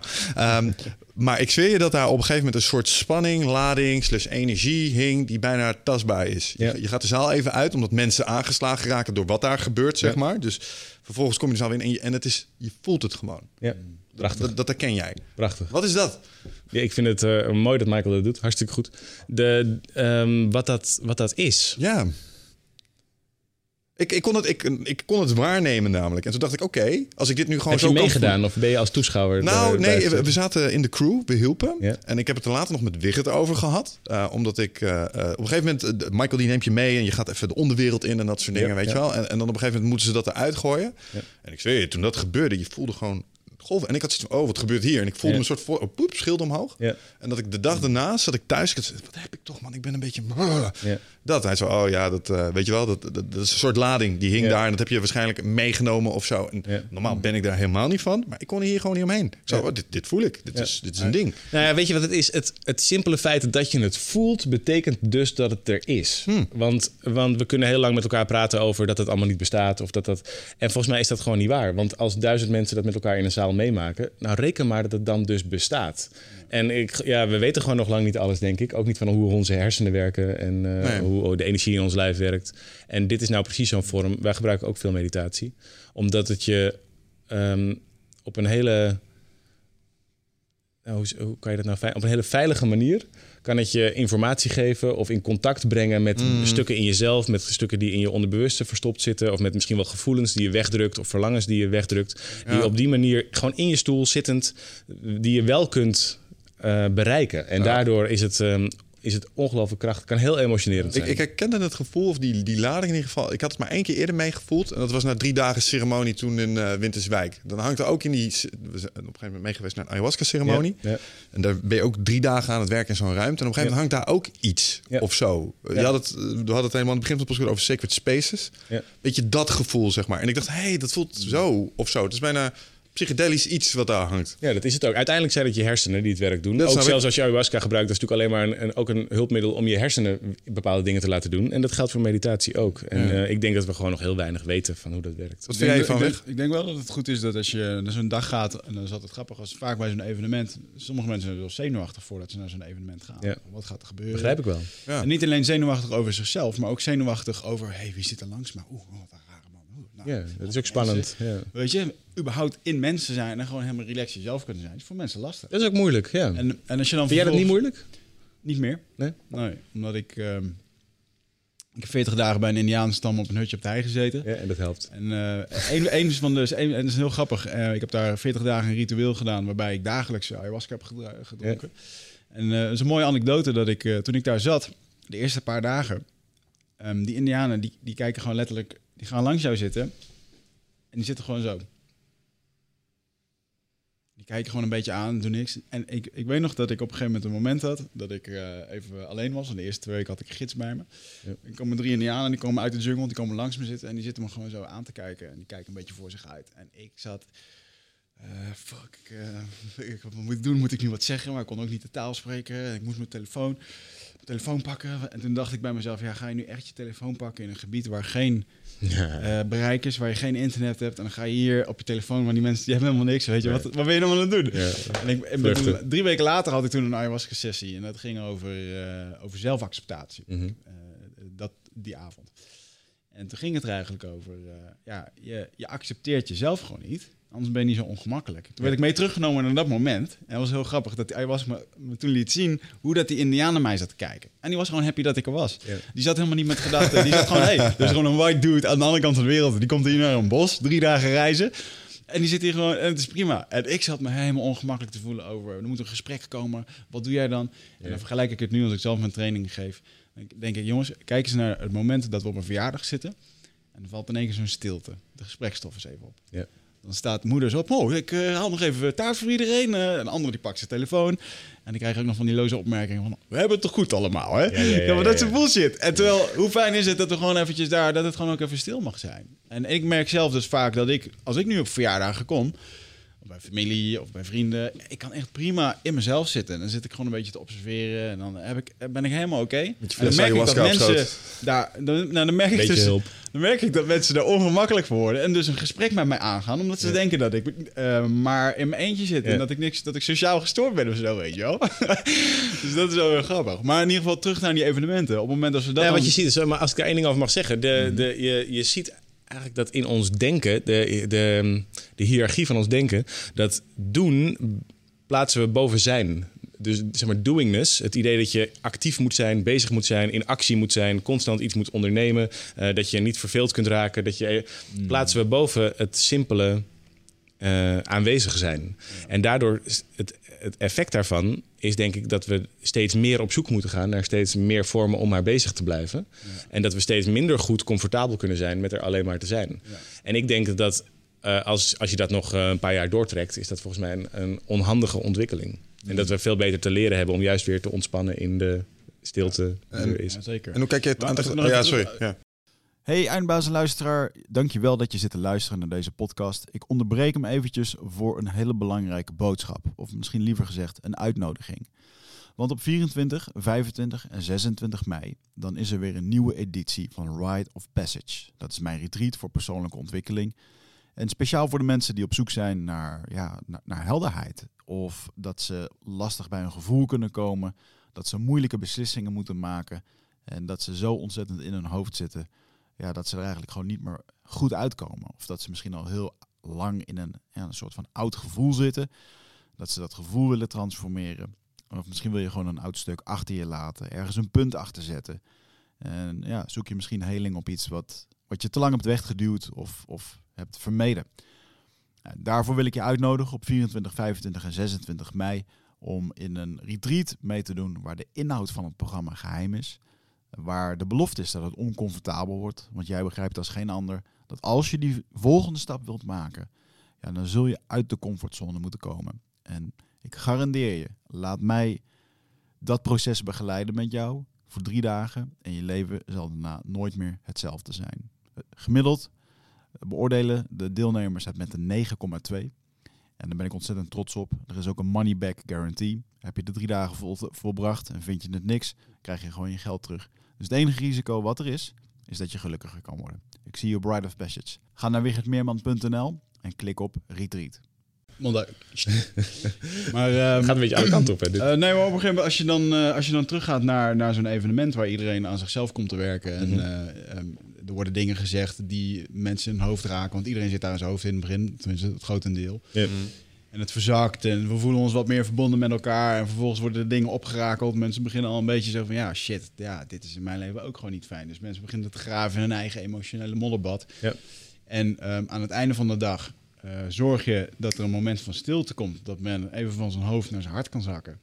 En uh, in plaats van het allemaal rationeel te weten, Ja. dat ze het dan ook kunnen voelen. En het is eigenlijk een, een, mogelijkheid om uh, voor transformatie, voor, voor, dingen op te lossen. Klopt. Hoe je dat dan ook wilt noemen. En uh, ik denk, als je dan ook al kijkt naar de wetenschappelijke manier van, van je, je, je, breingolven die in de stress op een Mm. bepaalde manier gaan, maar op het moment ook in de rust. Ja, dan, kun, dan kan er magie gebeuren. Ja, als je die op een andere frequentie krijgt, wat, je natuurlijk, wat natuurlijk helpt in een omgeving waar meer mensen dat ook doen, dan gebeurt er magie. En, en, en, oh, en weet je, dat, daarom geloof ik zelf heel erg in. Um, wij, wij kiezen er expres voor om een traject van een jaar met mensen te doen. Omdat het risico is namelijk nog dat er een soort event high komt. Dat mensen zo uh, lyrisch naar buiten gaan of helemaal verlicht naar buiten gaan. En vervolgens wordt het maandag en zitten ze weer gewoon achter dezelfde computer naast dezelfde collega. En is er eigenlijk niet zoveel veranderd. En dan kan het je ook heel hard in je gezicht slaan. Uh, en daarom geloof ik zelf heel erg in die kleine stapjes. Want ons programma bestaat uit vijf van die weekenden, verspreid over een heel jaar. En elke dag krijg je online op je telefoon een kleine reminder van iets wat je zelf kunt doen thuis. Een minuutje of vijf minuutjes en het is elke keer anders. Ja. En zo uh, wordt het dus niet meer. Je ziet veel mensen een soort afhankelijk worden van dit soort evenementen. Van oh, ik ga weer even daar naartoe, want ik moet me weer even opladen. Of ik Ja. moet weer even in contact komen met mezelf. Hi. Ja, en daardoor, ja, exact. En, da en dat is volgens mij dus geen, uh, dat is eigenlijk geen oplossing. Dan heb je gewoon het ene probleem vervangen door een ander. heb je de ene verslaving vervangen door een andere verslaving. Al merk ik wel dat uh, het aanwezig zijn op dit soort evenementen me altijd heel veel inspiratie en energie geven. Ja. En, uh, ja, gelukkig. Dan ook wel weer, dat dan ook wel weer bewust op. Nou, dan denk ik ook wel dat wij wel meer gemiddeld bezig zijn. Ja, maar ik denk dat het risico wat, uh, wat je hier omschrijft is heel erg aanwezig. Niks is een koudere douche als helemaal vol nagloed van zoiets. Ja, ja we gaan het doen. Ik heb mezelf en je komt op kantoor en jouw, en jouw ja. collega die kijkt je aan zo. Doet zijn oordoppen in. Ja. die, die, die, die, begrijpt het ook niet. Die is Nee, er niet bij niet. geweest. Die heeft die energie niet bij zich. Ik moet ook al, ja, ergens moet ik er ook altijd wel lachen. Als Tony Robbins weer naar Engeland komt, dan zie ik helemaal Facebook vol met mensen. Ja, En helemaal daarna zijn ze helemaal connected. Ja. En dan, uh, ja, drie weken later. Uh... Ja, ik begrijp me niet verkeerd. Ik vind het prachtig en ik ben heel blij met alles wat, uh, wat, wat, hij ook doet en wat al die mensen doen die doet. dit soort dingen doen. Ik, vind het alleen, ik wil alleen maar meer van dat soort dingen, want volgens mij is het geweldig. En tegelijkertijd helpt het ook als je naar jezelf kijkt en er veel meer een gewoonte van leert te maken, in plaats van een soort uh, one-hit um, ja. spektakel. Ja, Big Bang implementaties werken toch Ik nooit. geloof daar niet in. En ja, dat is, iedereen is anders, maar dat, voor oh, mij werkt het niet. Al ben ik, ja, weet je, en het is ook wel weer moeilijk. Er zijn echt wel gewoon... Uh, ik heb ook dit soort evenementen gehad die voor mij echt life-changing waren. In de zin, ja, goed, Michael Pelagic is voor mij een goede... Die gewoon heel simpel in acht uur in een restaurant tegen mij vertelde dat ik doelen moest stellen. En dat ik mijn de visie niet al had. En nou, yeah. waar, jongen, waarom kom ik hier op mijn 28ste achter? Yeah. Weet je wel? Yeah. En dat was zo'n eye-opener. En ik vind het wel heel mooi dat ook door zo'n evenement kan je echt levens veranderen. Ja. ja, dat gebeurt natuurlijk ook veel. Als ik nu, dat, dat, dat is denk ik uiteindelijk de belangrijkste reden om zoveel energie te krijgen uit het werk wat we doen. Want het is natuurlijk ook, het is ook vaak spannend. Het is hard werken eh, op sommige momenten. Eh, We hebben nu weer in september de Ziggo Dome geboekt. En dat is natuurlijk... Liefdesevenement, hè? eh, Ja, voor een evenement over liefde en relaties. En dat is natuurlijk ook dat is voor ons iets heel groots. Dat is heel spannend en, eh, en duur. En tegelijkertijd hebben we daar dan ook geen seconde twijfel over. Omdat we zo, zo weten wat de enorme impact is voor mensen. Ja. Dat is ook fijn. Wat ehm, eh, zijn jullie er gaandeweg achter gekomen dat ehm, eh, het onderwerp relaties en liefde een, eh, een, een hoog dingetje was op de lijst bij mensen? Want dat is niet iets wat jullie in het begin heel veel deden, toch? Nee, nou, te- het- ondertussen was het wel, maar dat kwam puur gewoon uit persoonlijk leven. Met, met name bij David vandaan, die had daar wat, eh, ehm, eh, die had een scheiding achter de rug en die, die had zichzelf voorgenomen dat hem dat niet nog een keer ging overkomen en dat hij daar dus veel meer over wilde leren. Dus die heeft zich daar heel erg ingestort. Dus dat was wel, terwijl wij bezig waren met 365, was dat ondertussen een soort van parallel verhaal waar we zelf wel mee bezig waren. Ja. Maar pas toen we al met het programma bezig waren, ontdekten we dat dat eigenlijk één geheel was en dat dat daar heel goed binnen paste. Ja. En dat, we, eh, dat hebben we moeten ontdekken. En Dus dat, dat, bij het eerste superrelatieweekend wat we organiseerden, zaten volgens mij nog geen honderd mensen.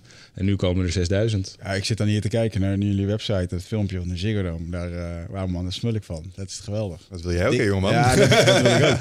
Dit is geweldig. ja, Dat jullie zijn van harte welkom, Dat jongens. je zo'n... eh, ehm, nou, ik bedoel meer dat wij ook je? over Dat het wij- ja. Dan kun je afkijken. Laat het over afkijken, toch? En, eh, maar eh, eh, en zeker hoe interessant om te kijken hoe dat jullie dat doen. Ehm, maar eh, dat je dat ook gewoon... En toen zat ik inderdaad te kijken. Toen jullie het vorig jaar zag ik dat al een keer voorbij komen. dacht ik, holy shit, gewoon een Ziggo Dome Ja. over relaties. Dus er gaan gewoon stelletjes heen om te kijken hoe dat ze het kunnen verbeteren.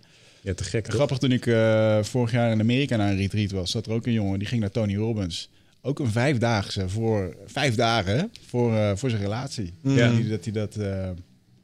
Is gewoon markt voor. Eh, mag ik daar wat Nou ja, het is, eh, weet je, mensen ja, het is nog steeds wel een beetje taboe dat je in Nederland moet je eerst ziek zijn om beter te willen worden. Maar volgens mij gaat steeds meer mensen die gaan ook gewoon wel zichzelf, net als dat je naar de sportschool gaat of zo, ook veel beter in dit soort dingen investeren. Omdat je simpelweg voelt, meteen ziet dat het effect heeft. Dat dingen leuker worden, makkelijker worden. Je hoeft niet elke fout zelf te maken. Sommige dingen zijn gewoon al bedacht. Er, er zijn gewoon een soort van human dynamics of human mechanics die voor elk mens, ook al is iedereen anders, er zijn een aantal onderliggende patronen die voor iedereen gelden. Zijn die patronen echt eh, eye-openers? Of is het eigenlijk hetzelfde als... Nou, la- laten we wel wezen, eh, trainingen die ik geef, zijn, het zijn grote open deuren paraden. Het zijn allemaal dingen die je al lang wist. Duidelijke doelen stellen, structureel heen werken, reflecties belangrijk. Al, al Ja. dat soort wist je stiekem allemaal al lang. Had je even tegen je compagnon moeten zeggen. Ja, dat nou, zijn toen, leven eh, verandert. eh, wat denk je dat ik het vandaan heb? Snap je? Afkijken toch? Ehm, maar, maar is dat met relaties ook zo? Dat het eigenlijk van die dingen zijn van... ja, stiekem wist ik dit op een of ander intuïtief niveau al wel. Je vertelt me eigenlijk niks nieuws, maar ik doe het op een of andere manier nog niet. Is het ook dat of zitten er wel echt Eh, dingen in tussen van... oh, oh oké. Nee, dat, dat, ik denk dat dat voor een deel zeker zo is. Hmm. Ook al vind ik open deuren, vind ik, dat vind ik nou echt zo'n term... Waar, waar je ook heel veel waardevolle dingen mee onderuit haalt. Omdat eh, het is niet voor niets een open deur. Ja, je, ja. Zou het namelijk ook kunnen, je zou het ook kunnen noemen eh, een waarheid. Universele waarheid. ja, en dan, en dan is het misschien ook een open deur omdat je het vaker hoort. Maar dat is nog niet het- hetzelfde als dat je het ook op die manier leeft. Hmm. En volgens mij, als je geholpen wordt met die open deuren... niet alleen maar te weten waar ze zitten... maar er ook een keer doorheen te wandelen... Ja. dan krijg je volgens mij een heel ander... dan helpt het niet... dan maakt het niet uit dat je het eigenlijk al ergens wist. Het gaat Ja, erom dat oké. je het vanaf dat moment Nee, de, de kern zit hem in het open deurschap van... eigenlijk wist ik dit al. Ja. En ik doe het op een of andere manier niet. Nee, dat zal voor een deel zal dat zo zijn. En Ja. ik denk ook dat er veel echt toegevoegde informatie in zit. Over de dynamiek tussen mannen en vrouwen. Over eh, de, de verschillende types die je kunt zijn. Hoe je in een relatie eh, met elkaar... ehm, eh, nou ja, een soort van bijna vergiftigde dynamiek kunt krijgen... waar je heel moeilijk weer uitkomt. Er zijn natuurlijk heel veel... Weet je, de relatietherapie is echt wel een... of de psychologie daarachter is echt een wetenschap. En als je daar, als je daar de, de, de bruikbare, fijne elementen uithaalt... dan denk ik dat mensen ook naar buiten gaan met echt hele nieuwe dingen. Heb je zo'n voorbeeld van, van zo'n typische ma- man-vrouw dynamiek... waarvan ik denk, ja, kijk, dat is voor de meeste stelletjes toch wel eentje... die zit ze aan het denken? Ja, wat ik heel interessant vind is uit de. de er komt uit EFT. ehm, de em- Emotional Focus Therapy. Ehm, waarbij je. Waar- Waarbij je eigenlijk heel zwart-wit jezelf onderverdeelt in. ofwel je bent een, eh, een, een, een chimpansee. of je bent een schildpad. En als je goed kijkt naar die relaties, dan is dit, dit is nou typisch zo'n ding waarvan het gevoel in zekere zin een open deur is. Want je weet dat je bepaalde dingen heel erg doet. Maar door er taal aan te geven, door er Ja, ja, woorden ja, aan te geven, heb je in één keer iets waarmee je er ook met elkaar over in gesprek kunt.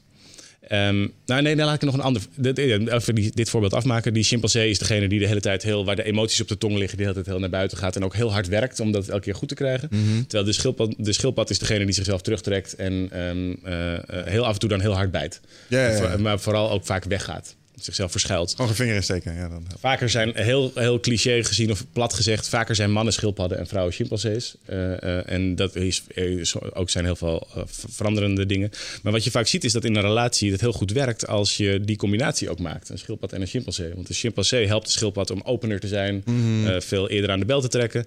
En de chimpansee, of de schildpad helpt de chimpansee weer om een beetje te kalmeren en, en, ehm, en niet, niet, te, te, niet te labiel zich te laten meenemen door allerlei eh Niet te emoties. labiel.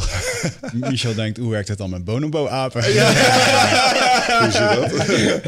Maar dat, alleen al zo'n inzicht. Dus aan de ene kant kun je zeggen, ja, dat is een open deur, want je weet dat mensen anders zijn. En, maar tegelijkertijd ge- door er taal aan te geven. En wat ik zelf een hele fijne vind, die mij ook in mijn relatie heel erg geholpen heeft, is dat we in het boek wat we daarover geschreven hebben, maak, we waren aan het nadenken over wat is nou eigenlijk een relatie.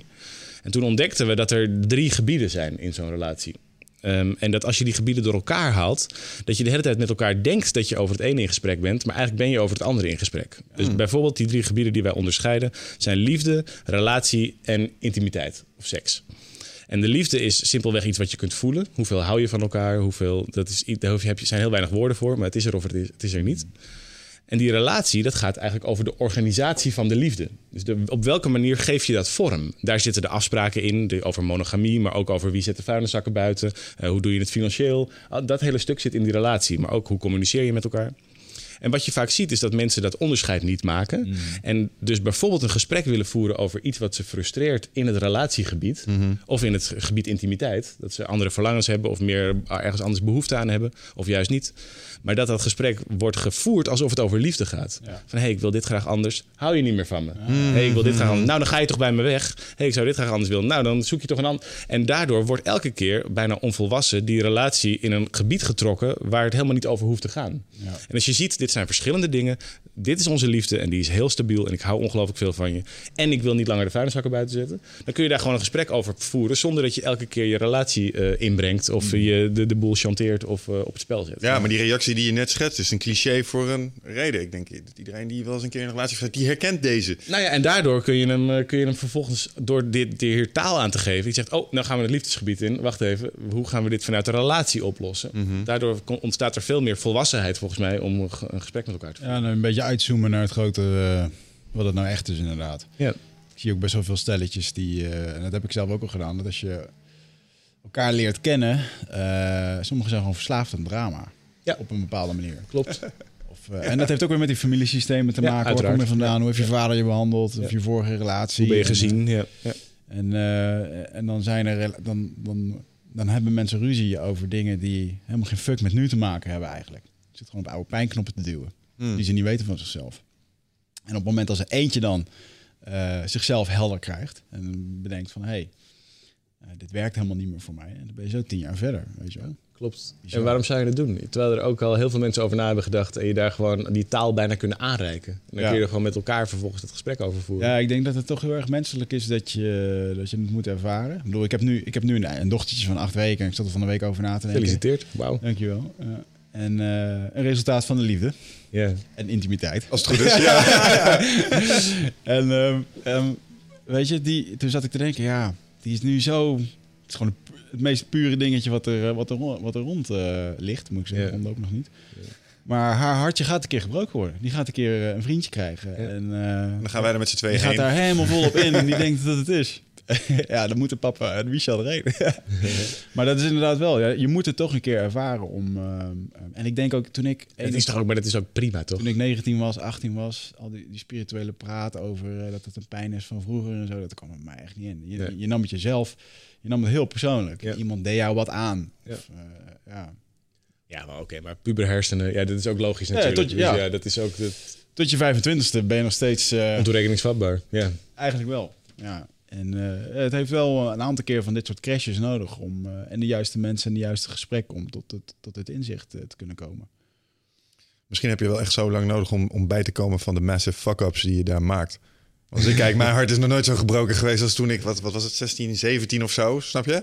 En, en ik had ook niet anders gekund als dat, want wat wist ik er nou van? Ja. Dus je komt in die situatie Ja, terecht. maar ik heb Ah, zelf het helpt wel om er goed naar te kijken. Want sommige mensen lopen echt, jij zegt dat nu zo, maar sommige mensen lopen echt juist in die jaren zo'n kras op. Ja, ja. ehm, dat ze eigenlijk de rest van hun leven bezig zijn met het vermijden van dezelfde pijn. Omdat veel mensen zijn natuurlijk bang voor herhaling van oude pijn. Jazeker. En als je dat maar bij jezelf ziet, dan eh, dat, dat, dat verklaart heel veel gedrag. Nou, dat is het punt wat ik probeer te maken. Dat ik nu pas zo'n beetje, nu ik op eh, zo de 40 nader, kan ik daar op een bepaalde manier naar kijken. En denk, hmm, dat zou nog wel eens wat eh, kunnen verklaren over je relaties met vrouwen. Snap je? ja. zeg maar Ja. dat je denkt, ah, oké, dat komt. Maar dat, daar was lang voor nodig om dat te zien, zeg maar. Eerst moest de pijn er vanaf. Eh, toen moest je wat dingen leren over jezelf. Moest je nog een paar keer wat fouten maken. Toen pas kreeg je dat inzicht. Dus misschien kun je ook niet eerder als op een bepaalde leeftijd pas tot dat inzicht komen. Omdat je er tot die tijd eigenlijk gewoon nog helemaal niet rijp voor was. Ja, er zit ook een heel goed verschil in met, met tussen eh, eh, luisteren naar je partner en echt, echt horen wat ze zegt. Ik had laatst iemand op een evenement die kwam naar mij toe en die zei: ik, ik heb een probleem met mijn vrouw.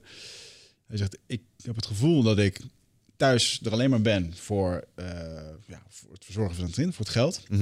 Ze loopt alleen maar te zeuren dat ik eh, te veel aan het werk ben en dat ik te weinig verdien. Ik zeg, Oké. Hij zei: Eigenlijk heb ik helemaal geen zin meer. Ik zeg: Nou, dat is interessant. Ik zat er even over na te denken. Toen vroeg ik al, ik zeg maar, vind je zelf dat je genoeg verdient? Bleef hij zo stil. Hij ja, eigenlijk niet. Oké. Dus daar heeft ze dan gelijk in. Ja, misschien wel. Ik zeg, en met het feit dat ze zegt, eh, je bent nooit thuis, dat ze daarover loopt te zeiken, betekent eigenlijk, schat, ik zou willen dat je wat vaker thuis bent. Dat is eigenlijk wat ze zegt. Dat ze het op een manier zegt waardoor jij je aangevallen voelt. ja, goed, daar kan je over discussiëren. En, eh, weet je, en dat die man echt zit te denken, ja, ja hmm, inderdaad, inderdaad. En gewoon dat het kwartje zo kan vallen, weet je wel. Dat is wel echt heel, ehm, ja, Ja, maar wat mensen dan niet kunnen is... eh, de- onze grote vriend Jocko...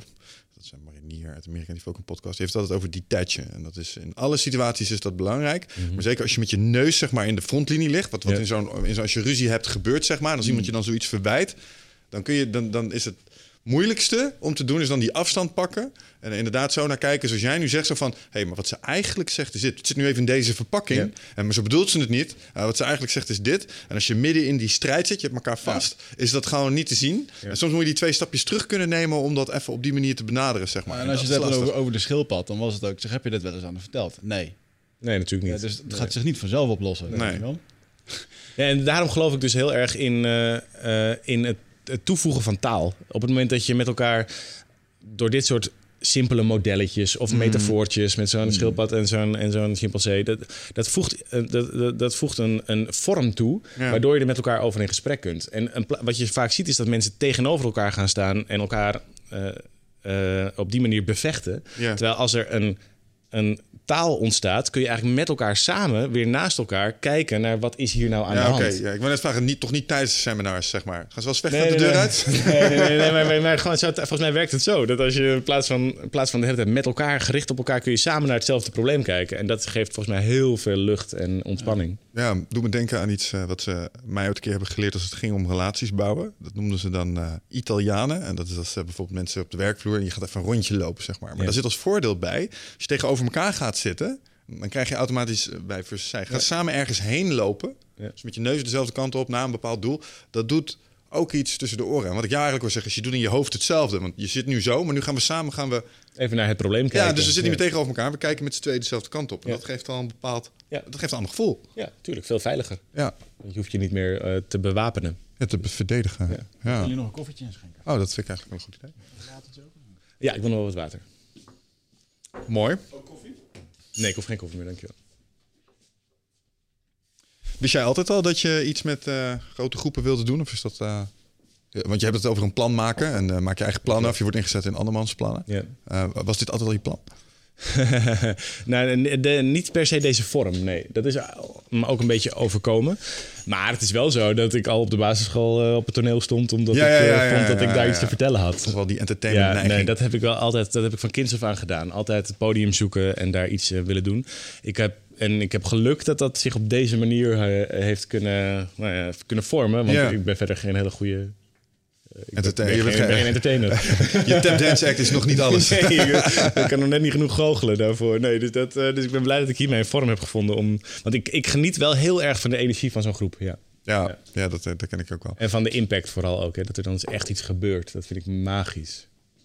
Ja, en dat, dat vind ik soms. ehm, ehm, ja, dat is, dat is magisch. Vooral als mensen zich kwetsbaar opstellen. Ik Ja. moet zeggen, in het begin vond ik dat, eh, met name toen ik in aanraking kwam met dit soort dingen. Je, je, je raakt mensen echt op de knoppen die ze het meest zeer doen soms. En ik, vind, ik vond het met name altijd heel erg moeilijk als mensen dan emotioneel worden, zeg maar, aan, publiek. Mhm. Maar tegelijkertijd, ja, waar we het net over hadden, eh, de helende werking voor andere mensen die dan.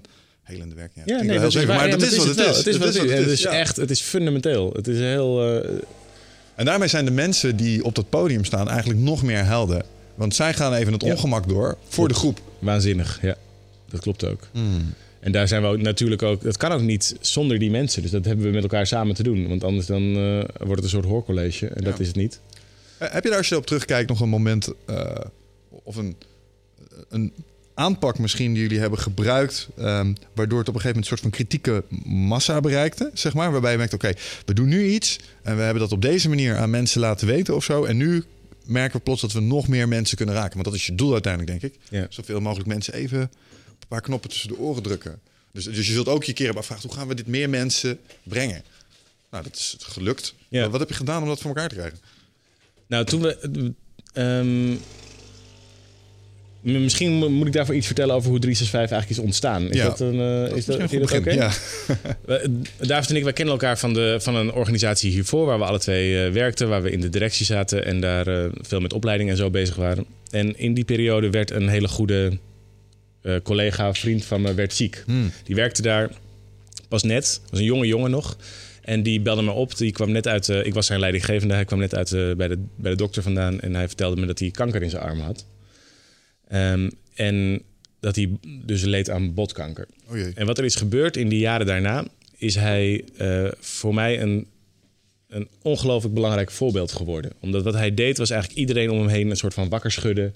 Met, joh, dit, dit is geen generale repetitie. Dit is het. Iedereen gaat dood, maar niet iedereen leeft echt, zei hij vaak. En toen al dacht ik elke keer, oké, dit, dit, dit raakt mij zo. Ik moet, hier iets, ik moet hier een keer iets mee gaan doen. en Maar ik weet nog niet hoe of wat. Vervolgens, ging hij, ehm, eh, vervolgens overleed hij in 2012. En toen keken David en ik elkaar aan en zeiden we van... nou, dit verhaal moeten we blijven vertellen. Dit is te belangrijk. We hadden nog geen idee. Dus wat we zijn gaan doen is daar een soort methode omheen gaan maken... van de dingen die we onder andere van hem hadden geleerd. Dat zijn we op gaan schrijven. En toen dachten we, nou, dan geven we daar een keer een seminartje over. Dan kijken we wel. En toen kwam dat boek uit in het najaar van 2012... en was binnen een paar dagen die hele eerste druk eh, uitverkocht. En wij dachten, Hé, wat is dit nou? Hoe kan dit? Hadden we helemaal geen rekening mee gehouden. We dachten, het is mooi als we, er, als we überhaupt door die eerste druk heen komen. Ja, ja, ja. En wat er toen gebeurde in die, in die maanden daarna... is dat er steeds meer mensen naar ons toe kwamen en zeiden... van joh, ik wil hier graag met jullie mee aan het werk. Eh, kunnen we hier niet iets eh, wat langer mee werken? En zo is dat jaarprogramma eigenlijk ontstaan. Dat hebben we toen in 2013 voor het eerst gegeven. Ehm, en daar pas merkten we, hey, deze methode heeft werkelijk effect op andere mensen. Niet alleen op ons, maar eh, op iedereen. Mhm. Tot die tijd was het gebakken lucht, maar hey, het bleek Nee, nog nee, raak maar te tot die, zijn ook. tot Ja. die tijd was het heel persoonlijk. Van, dit werkt voor ons. Maar nu bleek het ook voor iedereen te werken. Ja, nee, ik snap wat je In ieder geval voor, voor die mensen die daarbij kwamen. En daar, dat heeft in ons hoofd... Toen, toen dachten we, nou, als dit blijkbaar werkt... dan zouden we wel gek zijn om het weg te houden bij mensen. Ja. Eh, toen hebben we onderzocht van, nou, wat is nou... Stel nou dat alles lukt. Wat is dan het mooiste wat er kan gebeuren? Zo is onze missie ontstaan. Dat Nederland het gelukkigste land van de wereld is. En dat hadden we in ons hoofd... hebben we daar toen de koppeling aan gemaakt. Oké, we gaan in ehm, 2020 met 1500 mensen in de Heineken Musical. Zo heette Ja. dat nog. Dachten we, nou, 1500 mensen, die bereiken allemaal 100 mensen... en die ook weer 100, dat is bij elkaar ongeveer 15 miljoen. Dat is ongeveer heel Nederland en dan, dan is onze missie geslaagd. Zijn we lekker bezig, ja. Dan zijn we lekker bezig. Dat was een min of meer willekeurig target, maar dat, die doelstelling was voor ons heel, eh, heel behapbaar, Mhm. heel meetbaar. Ja, het is 1500 Heineken Musical. Je weet gewoon precies wanneer het wel of niet is gelukt. ja. En dat heeft ons eh, ehm, jarenlang heel veel, ik denk heel veel magneet gegeven. Voor onszelf om daar naartoe te werken. Maar ook voor andere mensen om daar onderdeel van te zijn. Van. Nederland is het gelukkigste land, daar wil ik bij horen. Wil ik iets mee doen, hoe, hoe dan? En daardoor is die missie, die magnetische missie, heeft ons denk ik heel erg geholpen. Alleen toen vervolgens ging het zo hard dat we al in 2016 stonden we al in de Heineken Musical. En toen merkten we ook aan onszelf dat we eigenlijk een beetje in de war raakten daarvan. Van, oh ja, het is eigenlijk allemaal al gelukt wat we hadden bedacht. Wat nu? Ja. En we hebben best wel even een jaartje nodig gehad. Uh, ook afgelopen jaar was voor ons best wel, ook wel pittig in een aantal opzichten. Omdat we een soort van lost waren. Van hoe nu verder? En nu langzamerhand begint dat weer een beetje zo, dat stof weer te dalen. En merken we weer dat die, dat die energie zich weer opbouwt. Ja. Um, en was dat niet meteen evident dan? Als je daar voor die 700 mensen staat, van Oké, 2020 was het plan. Het is nu ja. 2016. 2016. We gaan, een, we gaan een grotere venue nodig hebben, jongens. 2200 mensen. En toen ging dus opeens dat kraken. En dachten we, nou oké, weet je, we hebben ooit een keer als grapje gezegd Amsterdam Arena of zo. Maar opeens, ja, als je in vijf jaar tijd naar de Avas Live, zo heette het toen inmiddels volgens mij. Ja. Of HMH kunt groeien, ja, waarom dan niet? En, daar, en zo is toen die Ziggo Dome er vandaan gekomen. Nou, en daar, dat, dat is dan nu over, over een paar weken. Het hal, man. Dus wel het dikste hal wat je in Nederland kan... Uh kan bereiken eigenlijk. Hè? Denk ik wel een beetje. Ik vind het nog een beetje onwerkelijk. Dat het zo. Als je het, het is namelijk gewoon. Het is een training. Je bent, we gaan gewoon met mensen aan het werk om dingen te leren. En, mm. en, dan komen dan zoveel mensen uit het hele land. Zo, er komen mensen uit Australië, uit Dubai, uit uh, uh, Curaçao. Ja, maar het is een stukje kennis wat mensen, wat, mensen ontberen. Zeg maar. dat, dat is eigenlijk dat stukje wat ze niet geleerd krijgen. En, daarom is er zo'n ongelooflijke behoefte aan, denk ik. Ja, het is echt. Het is iets wat we eigenlijk. Um, die eerste paar jaar hebben we nog dat een soort van uh, heel hard aan gewerkt, zou je mhm. kunnen zeggen. Dus we hebben dat bijna afgedwongen door daar keer op keer weer heel veel uren in te maken en daar met heel veel mensen mee te werken, heel veel dingen te proberen, heel vaak op ons bek te gaan. En uh, en nu, de laatste paar jaar, voelt het veel meer alsof het zich in zekere zin ontvouwt. Ja, ja, ja. Dat, het, dat, het, dat het er allemaal al is en dat we het eigenlijk alleen nog maar hoeven welkom te heten. Of zo. Dat klinkt misschien nu ook weer een beetje vaag, maar ik, het gevoel dat we het niet meer... We hoeven niet meer eraan te trekken, we hoeven niet meer sneller te zwemmen dan de rivier. We drijven gewoon met de stroom mee. momentum. En dan, hey, opeens staat daar een Ziggo Nou, dan gaan we daarin. Ja. Zo'n soort gevoel. Ja. En, ik, en ik heb dus nu ook werkelijk waar geen idee waar die naartoe stroomt. Nee, maar dat is volgens mij niet erg. En ik denk dat, dat, dat, dat, dat die fases die je daar eigenlijk een beetje, die ik hier opschrijf, zijn van, we hebben een doel, we richten iets, we gaan ergens op, we gaan heel veel effort plegen. Ja. Uh, het is een beetje bobslee in dat opzicht. Uh, we krijgen dat ding in beweging en nu gaan we erop zitten. En, en nu staan we wachten waar die baan heen gaat. We don't know, maar het zal wel mooi zijn. Hopelijk zijn we klaar voor in de bocht. Genieten van het uitzicht. Ja, nee, dat is het. En dat is het nu op dit moment heel erg. Okay. Ja. Hey, iets wat me nog even opviel uh, in het verhaal over uh, je collega, die uh, nou, helaas is overleden is. En, dat, en dat vond ik een beetje haak staan op iets wat ik je ook hoorde zeggen over rust nemen en ontspanning. Is daar kwam een soort sense of urgency vandaan. Ja. En dat is iets waar, waar, ik zelf ook heel gevoelig voor ben en waarom ik nou ja, best wel voor dingen wil gaan, is omdat ik snap dat ik een zakje met minuutjes heb. Ja. En dat loopt gewoon leeg. Ja. Weet je? Het enige wat echt schaars is in de wereld is tijd. Het enige wat je niet kan terugkopen. Ja. Volgens nog. Ja. Ja, dus die, die voel ik heel erg. En, en zeg maar doingism waar je het over had, um, dat zet mij volledig in. Ik moet aan de bak en stilzitten is ja. um, soms moeilijk. Ja. Mede door dat gevoel van urgency. Aan de andere kant hoor ik je zeggen, maar hey, we zijn allemaal te gehaast en we zouden veel rustiger moeten doen. En hoe rijm je die twee gedachten met elkaar? Nou, de, dat is wel grappig. Dat dat, ik snap dat conflict wel, dat je dat zo, helemaal als je het zo omschrijft. Um, terwijl als je kijkt naar wat de eerste twee stappen zijn van die, die 13 stappen methodiek van ons, dan is de eerste stap dat je je verlangen ontdekt, daar mm. kennis mee maakt. Daar zit heel veel ook van dat beingness, van die ontspanning in. Van nou, wat doe ik nou als ik helemaal in mijn element ben, als ik helemaal mezelf ben, als ik helemaal vrij ben, wat zou ik dan doen? Mm -hmm. um, maar de volgende stap, de tweede stap, is noodzaak. Creëer noodzaak in je leven. En op het moment dat je ziek wordt en weet dat je tijd ophoudt, nou, dan heb je die noodzaak cadeau gekregen. Ja. Daar zat je niet per se op te wachten, maar dat is nou eenmaal toch zo en dan kun je niet anders. Alleen veel mensen leven alsof ze het eeuwige leven hebben. En komen er dan achter op hun 65ste dat, het, uh, dat ze opeens met pensioen zijn en niet zo goed weten wat er nog te doen is. Mm -hmm. En volgens mij helpt de. Wij geloof, ik geloof heel erg in um, het creëren van grote noodzaak. Dus we hebben bijvoorbeeld een jaar geleden die Ziggo Dome geboekt. Nou, dat geeft heel veel noodzaak. Want dat kost ongelooflijk veel geld. En daar moeten dus mensen zitten om dat, uh, om dat weer terug te verdienen. Wij hebben daar met elkaar een bepaald bedrijf omheen te bouwen, werk voor te doen. En tegelijkertijd geloof ik heel erg in met die rivier meestromen. Want Mhm. als je die twee dingen combineert, een soort stip waarvan je weet: oké, daar, daar zijn we op uitgelijnd, daar groeien we naartoe. En ik vertrouw op dat proces.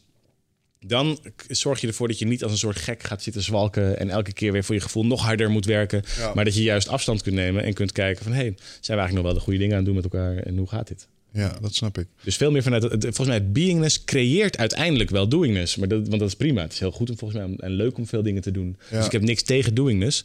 Maar wel tegen het overslaan van die eerste fase. Ja. Het overslaan van eerst ontdekken wie je eigenlijk bent of wil zijn. eh, voordat je daar... Want je kunt jezelf namelijk heel druk maken je hele leven... met totaal de verkeerde dingen. Ja, ja, water trappelen in plaats van zwemmen. Ja, precies. Ja. Ja, Ja, en ja, dat is, dat en dat, ik. dus, ik heb niks tegen hard werken, maar wel tegen heel hard werken aan het verkeerde. En dat is volgens mij wat heel veel mensen heel ongelukkig maakt. Mhm. Ja, dat snap ik. Oké. Ehm, ik had er net nog een vraag over, die ontschiet me nou eventjes. Ehm, Heb ik nog wel een vraag. ja. Jullie hebben ondertussen een, eh, een team van 22 man. Ja, ja. Eh, het is een beetje een harmonica. Soms zijn het er wat meer, soms zijn het wat minder. Maar of ongeveer 2 tot 25. Ja. Ja, ik zie wel, eh, ehm, jullie zijn echt eh, heel sterk op content. Oké, dankjewel. Tenminste, eh, regelmatig posten, Ja. veel, eh, veel volgers, veel dingen. Ja. Hebben jullie heel veel interactie met jullie? ehm, eh, hoe, hoe, zorgen, hoe zorgen jullie dat jullie de interactie houden met al die... ehm, want je hebt natuurlijk je cursisten. Ja. Je hebt ook gewoon de mensen die gewoon continu naar je kijken, die nooit iets laten weten. Ja. Daar hebben we ook geen interactie mee, helaas. Nee, nee, maar ehm, ik zie wel dat ook op jullie blogs en zo, er staan gewoon hele nuttige dingen. Hier gaan mensen, eh, we hadden het straks over, waarom komen mensen bij ons op Jan Geurts? Nou, als hun hart gebroken is, dan gaan ze googlen, komen ze bij ons. Ja. Maar jullie blogs, eh, hoezo happy single, de angst om alleen over te blijven, dat soort dingen. Dat zijn dingen die wel heel erg raken en zo. Hoe, doe, eh, hoe hebben jullie daar een bepaalde strategie voor uitge... Nou, het uitgangspunt, de precieze strategie ken ik niet, want die wordt in, een, eh, in ons marketingteam gemaakt en daar zit ik niet in. Dus ik weet niet precies wat ze daar allemaal doen.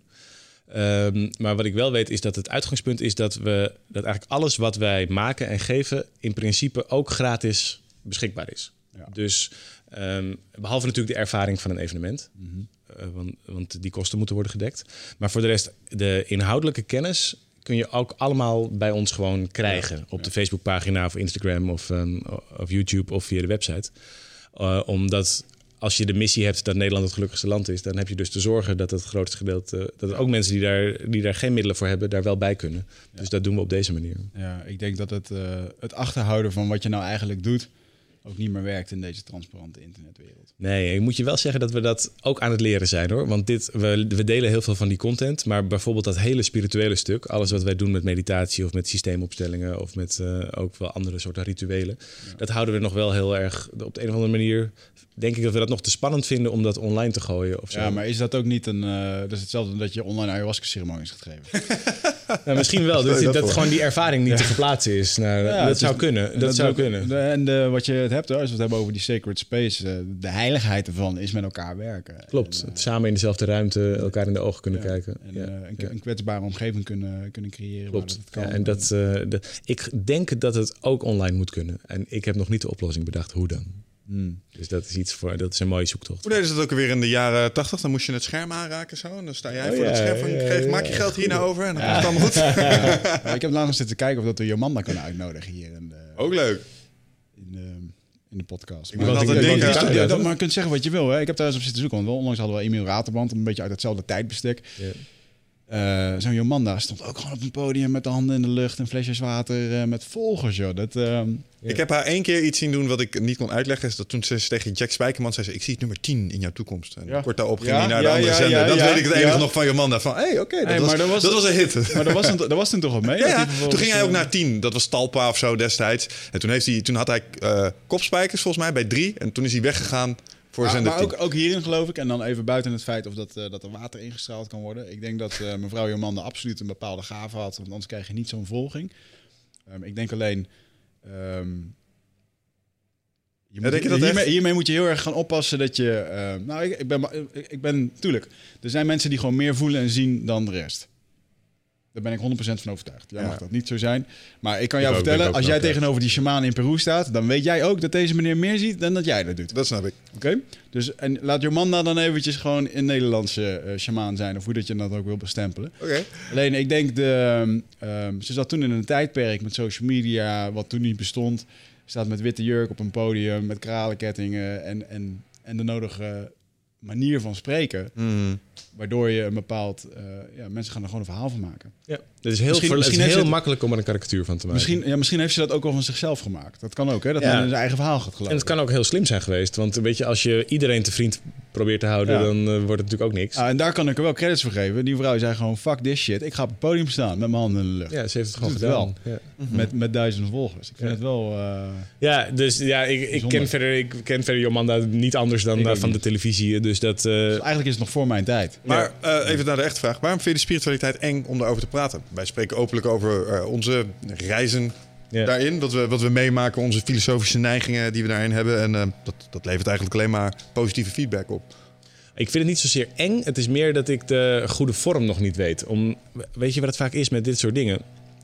Eh, bij, bij hele diepgaande ervaringen maken woorden het vaak kleiner. Eh, op het moment dat je iets wat je. Pro- probeer maar eens echt zo'n ceremonie die jij dan meemaakt. Probeer die dan maar eens zo in woorden te gieten. dat een ander exact begrijpt wat jij hebt meegemaakt. Daar hebben we 2,5 uur podcast voor. Het bestaat bijna niet. Het is, ja, gewoon, het is goed. heel moeilijk. En, en, en daardoor, eh, eh, en datzelfde geldt denk ik voor de dingen die, die wij dan op een heel andere manier in onze eh, eh, seminars doen. Op, op dat gebied is het heel moeilijk om daar woorden aan te geven. En dat maakt het vaak kleiner of lelijker of platter dan, dan de werkelijke ervaring die iemand heeft op zo'n moment. En daardoor. ehm, eh, ik- ik- en tot het moment dat we dat fijn weten te communiceren. Ik Doe denk dat, ja, oké. Het, het ligt aan je doel. Het is afhankelijk. Het eh, ligt eraan. Ja, ligt eraan. Als je doel is om zo snel mogelijk die spirituele boodschap in ieder geval voor een deel bij mensen te activeren. En dat ze daarna als, eh, als gevolg daarvan eventueel naar een event komen om het mee te maken. Ik moet Ja. denken aan online trainingsschema's.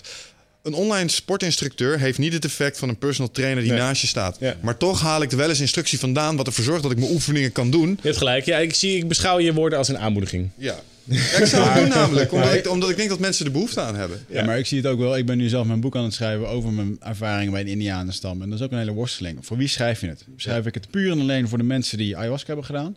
Schrijf ik een heel ander boek als dat ik het voor de massa wil schrijven? Ja. En, eigenlijk is het- en dat wil ik eigenlijk. Ik wil naar de grote... Dus het moet een soort van... Het mag wel het, het spirituele aantikken. Dat mensen met een oogje gaan kijken van... Hmm, zou dat kunnen? Ja.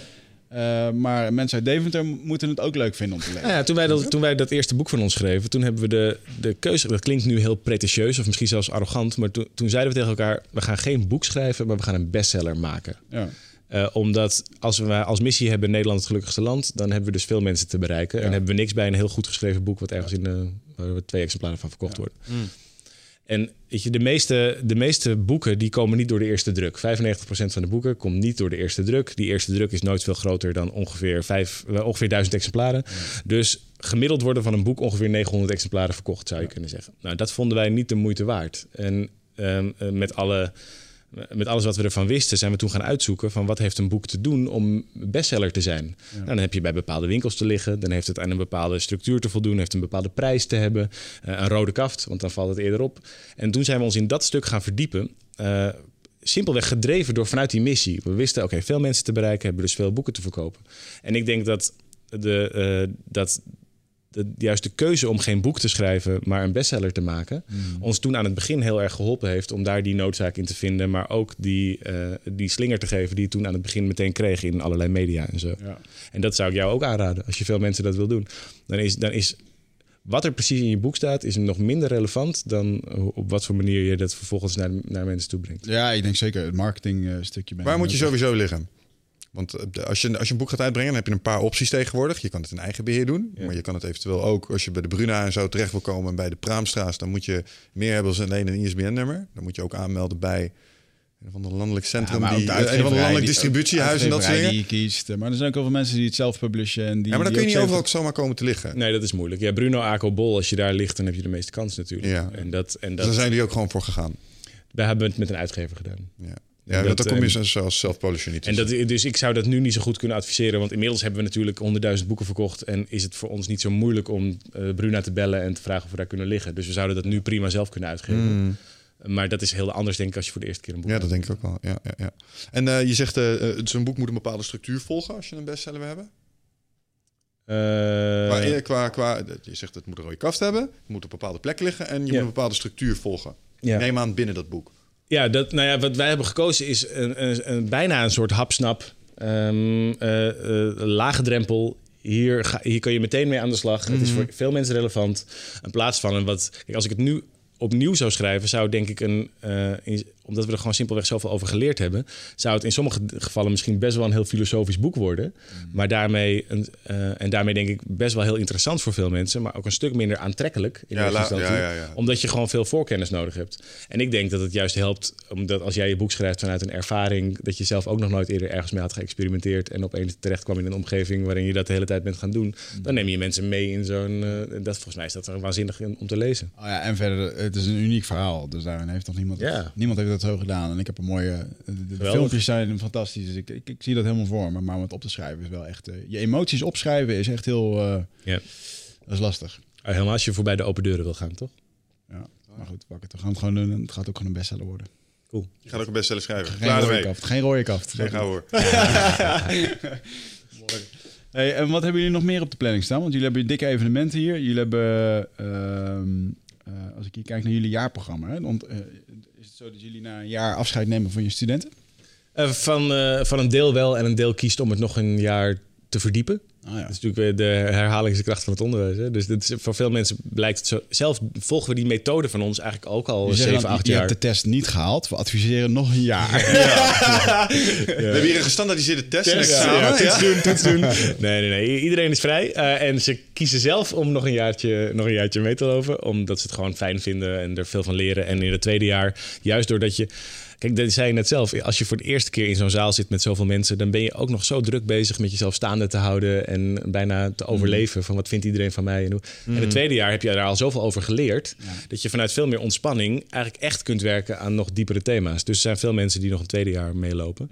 Ehm, dus dat, nee, dat jaarprogramma is voor ons het, het belangrijkste programma. Eigenlijk het enige echte langdurige programma wat we maken.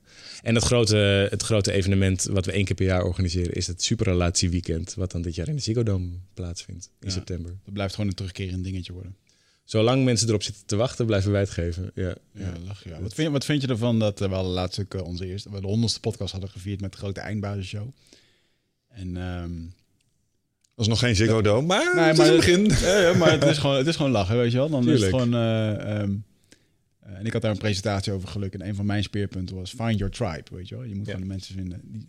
Ja. Maar jullie hebben dat waarschijnlijk ook ervaren. Jullie hebben ook gewoon, eh, er zitten gewoon mensen voor jullie. Het is gewoon jullie stam, weet je wel. Ja, maar ook met Ja. elkaar. We hebben Ja, nu, ook- nu is die groep natuurlijk zo groot dat ze niet meer allemaal per se met ons dat contact kunnen hebben. Mhm. Dus we hebben die groep verdeeld in eh, eh, een heleboel kleine cirkels. En die cirkels zijn zo'n 25 mensen groot ongeveer. Oké. En dat zijn echt tribes. Je ziet ook dat die, we hebben die mensen, die zitten allemaal bij elkaar in het postcodegebied. Dus je kunt elkaar heel makkelijk opzoeken tussen de weekenden door. Ah, en met elkaar slim. wandelingen doen en eh, borrelen en whatever ze maar willen doen. Ehm, en dat dan nu zo'n jaar een tijd onderweg is. Inmiddels kennen die mensen elkaar dus een half jaar. Zitten met elkaar in die, in die cirkel. Delen daar elke dag hun dagelijkse oefeningetjes met elkaar. Leuk man. Eh, en dan zie je, wat er dan gebeurt, is dat als er nu ellende gebeurt, eh, een partner die overlijdt of een, eh, dochter in de problemen, of, zo, dan gaat zo'n hele tribe om zo'n persoon heen staan Ja, en hem dus dragen. gaaf. Niet vanuit medelijden, maar juist vanuit grootsheid. En we doen dit samen. En ja, dat, dat vind ik echt wonderbaarlijk om, om te zien wat er allemaal gebeurt. Ja. Dat, dat, eh, dat ontroert, ontroert me zelfs. Dat, ik, dat er op dit moment in Nederland dus cirkels elkaar ontmoeten. Dat daar hele verhalen gebeuren, eh, dingen plaatsvinden die ik allemaal niet weet. Ja. Maar die daar wel op een hele fijne, constructieve manier met elkaar eh, verder werken. ja, interessant man. Dat is wel grappig. Dat het... Wat ik daar zo leuk aan vind, is dat de oude strategieën dus blijkbaar de manier zijn naar geluk. Want dit is hoe we het vroeger ook deden. Het zijn Ja. kleine groepjes, kleine hechte groepjes die met elkaar een gemeenschapsgevoel delen en proberen te overleven in de omgeving waar ze dan ook maar in zitten. Vroeger was het de savanne. Weet je wat het is? Volgens mij is alles een cirkel. Dus het is helemaal niet. We, hebben het, eh, we denken vaak in een soort rechte lijn en dat we dat zijn ontgroeid. Maar je ziet aan allerlei dingen dat we daar weer langzamerhand terugkeren naar dat soort. Dus als je niet per se denkt in de menselijke ontwikkeling als een rechte lijn eh, omhoog, maar als een, als een cirkel, dan zul je zien dat heel veel rituelen en eh, gewoontes ook weer terugkeren. En het is volgens mij heel goed geweest dat we een tijd hebben gehad die meer was gericht op individualisme en, en ehm, eh, materialisme. Ja. Eh, omdat dat ons heel veel welvaart heeft gebracht en heel veel problemen heeft opgelost, denk ik. Dus dat is heel fijn. En nu denk ik dat in onze samenleving zijn we weer toe aan andere vormen van verdieping en verbinding. Ah, je kent het model van Scrum vast wel. Ja. Het zijn allemaal van die loopjes achter elkaar. Ja. Waarbij je telkens dezelfde stapjes in het... En ik denk dat er ook grotere loops zijn, waarbij we sommige dingen ook, weer ja. even vergeten en dan weer herontdekken en erachter komen, oh, dit is handig. Ja, en alles is al een keer bedacht. Dus waarom zou je niet intappen op die oude wijsheid? En, eh, en daar op deze manier gebruik van maken. En we zien gewoon simpelweg hoe goed het werkt. Het is echt fenomenaal. Ja, wat ik daar verwonderlijk aan vind, is hoe je het kunt vergeten, hè? Ergens. Ja, het is altijd het Dat laatste. je denkt van, waarom, waarom was ik dit vergeten? Dat Ja. heb ik ook nog wel eens met, eh, met productiviteit gewoon zo. Ik denk van, dit deed ik jaren. Ja. Wa- Waarom ben ik hier überhaupt mee gestopt? Ik snap het niet. En nu ik het weer doe, denk ik, oh, dat is echt geweldig. Fijn. Dat heeft toch te maken dat je eh, de beloning elders gaat zoeken. Of dat je het groter wil, of dat, het, Mm. eh, of dat het makkelijker kan. Of dat je, dat je denkt dat je dingen sneller kan behalen dan. Hè? Dat is nog een soort van tussen, tussendoor weggetje. Ja, de novelty is er vanaf. de, de nieuwigheid. nieuwigheid. Ja, dat vind ik ook wel mooi aan die circles. Is dat het een soort eh, consistentie biedt daarna. Wat bedoel je? Nou, omdat ik me kan voorstellen dat als je... ehm, nou, we hadden het over de maandagochtend erna. Ja. Ik, ik heb mijn vraag van daarvoor ook weer terug. Van, enerzijds van hoe regel je nou dat je je plannen daarna, gelet op wat je allemaal op je bord hebt liggen, zeg maar. Ja, Eh, hierdoor, ook zo, ook zo, dagelijkse integratie. ja, hoe je dat eh, gaat doen. En ik ja. denk dat die circles ongelooflijk bijdragen in die consistentie Ja. na die eerste activatie Klopt, vast te houden. Je wordt constant geremind de- en, en je kunt elkaar helpen, je kunt erop leunen. Je hoeft het niet allemaal alleen te doen. En wat ik ook denk, is dat als je voor zo'n groepje hebt gezegd, ik ga dit doen, Ja, er ontstaat ook intervisie op elkaar. heel veel. En een stukje is er van, oh, nou heb ik het gezegd, Ja. ja. dan moet ik het doen ook. Tuurlijk, stok Dat gaat ook meespelen, ja. tuurlijk. Dat is misschien wel het krachtigste zelfs. Want je gaat gewoon... me- me- mensen die leren langzamerhand tijdens zo'n jaar om te verklaren dat ze bepaalde dingen doen. Hun baan opzeggen, eh, voor zichzelf beginnen, een, eh, Mm. een wereldreis maken. Nog voordat ze het gevoel hebben dat ze er klaar voor zijn. En door, die, door dat om te draaien, ontstaat dus het feit dat je er klaar voor bent. Ja. Omdat er in één keer heel veel support komt en eh, hulp komt. Wat ik er leuk aan vind, is dat dan eigenlijk daar weer het mechanisme onder ligt... waarvan we eh, daar straks hadden geconstateerd... dit veroorzaakt moeilijke situaties in het bedrijfsleven. Namelijk, willen kli- klimmen in een hiërarchie. Alleen het is een ander hiërarchietje met andere waarden. En nu doen we het, zeg maar, het drie- eh, 365 gospel. Ja. Merk je ook dat, dat je daar al je... soort van je apostelen, je posterboys... eh de, de mensen die het uh, voortouwen echt eh, zwaar innemen. Dus dat, je binnen je Eh, eigen gemeenschap ook al wel ziet van... oh, hier zijn mensen en die beginnen heel fanatiek het gospel te verspreiden. Nee, natuurlijk zijn er ambassadeurs. Ja, Ja. Als, als iets in jouw leven heel veel effect heeft, ja, dan, dan ga je er natuurlijk met andere mensen over praten. Dus dat, eh, dat gebeurt natuurlijk. En we, maar we moedigen dat niet per se actief aan. Omdat Ja. we heel erg graag altijd mensen vragen om zelf te blijven nadenken en niet te veel gaan volgen. Want dan, ja, dan ben je nog steeds niet de leider van je eigen leven. Ja, dat snap ik. Dus dat, dat is een soort. Het is een menselijke neiging om je ergens heel erg aan over te geven. En te zeggen: Oh, dit werkt zo goed voor mij. Bijna defaut.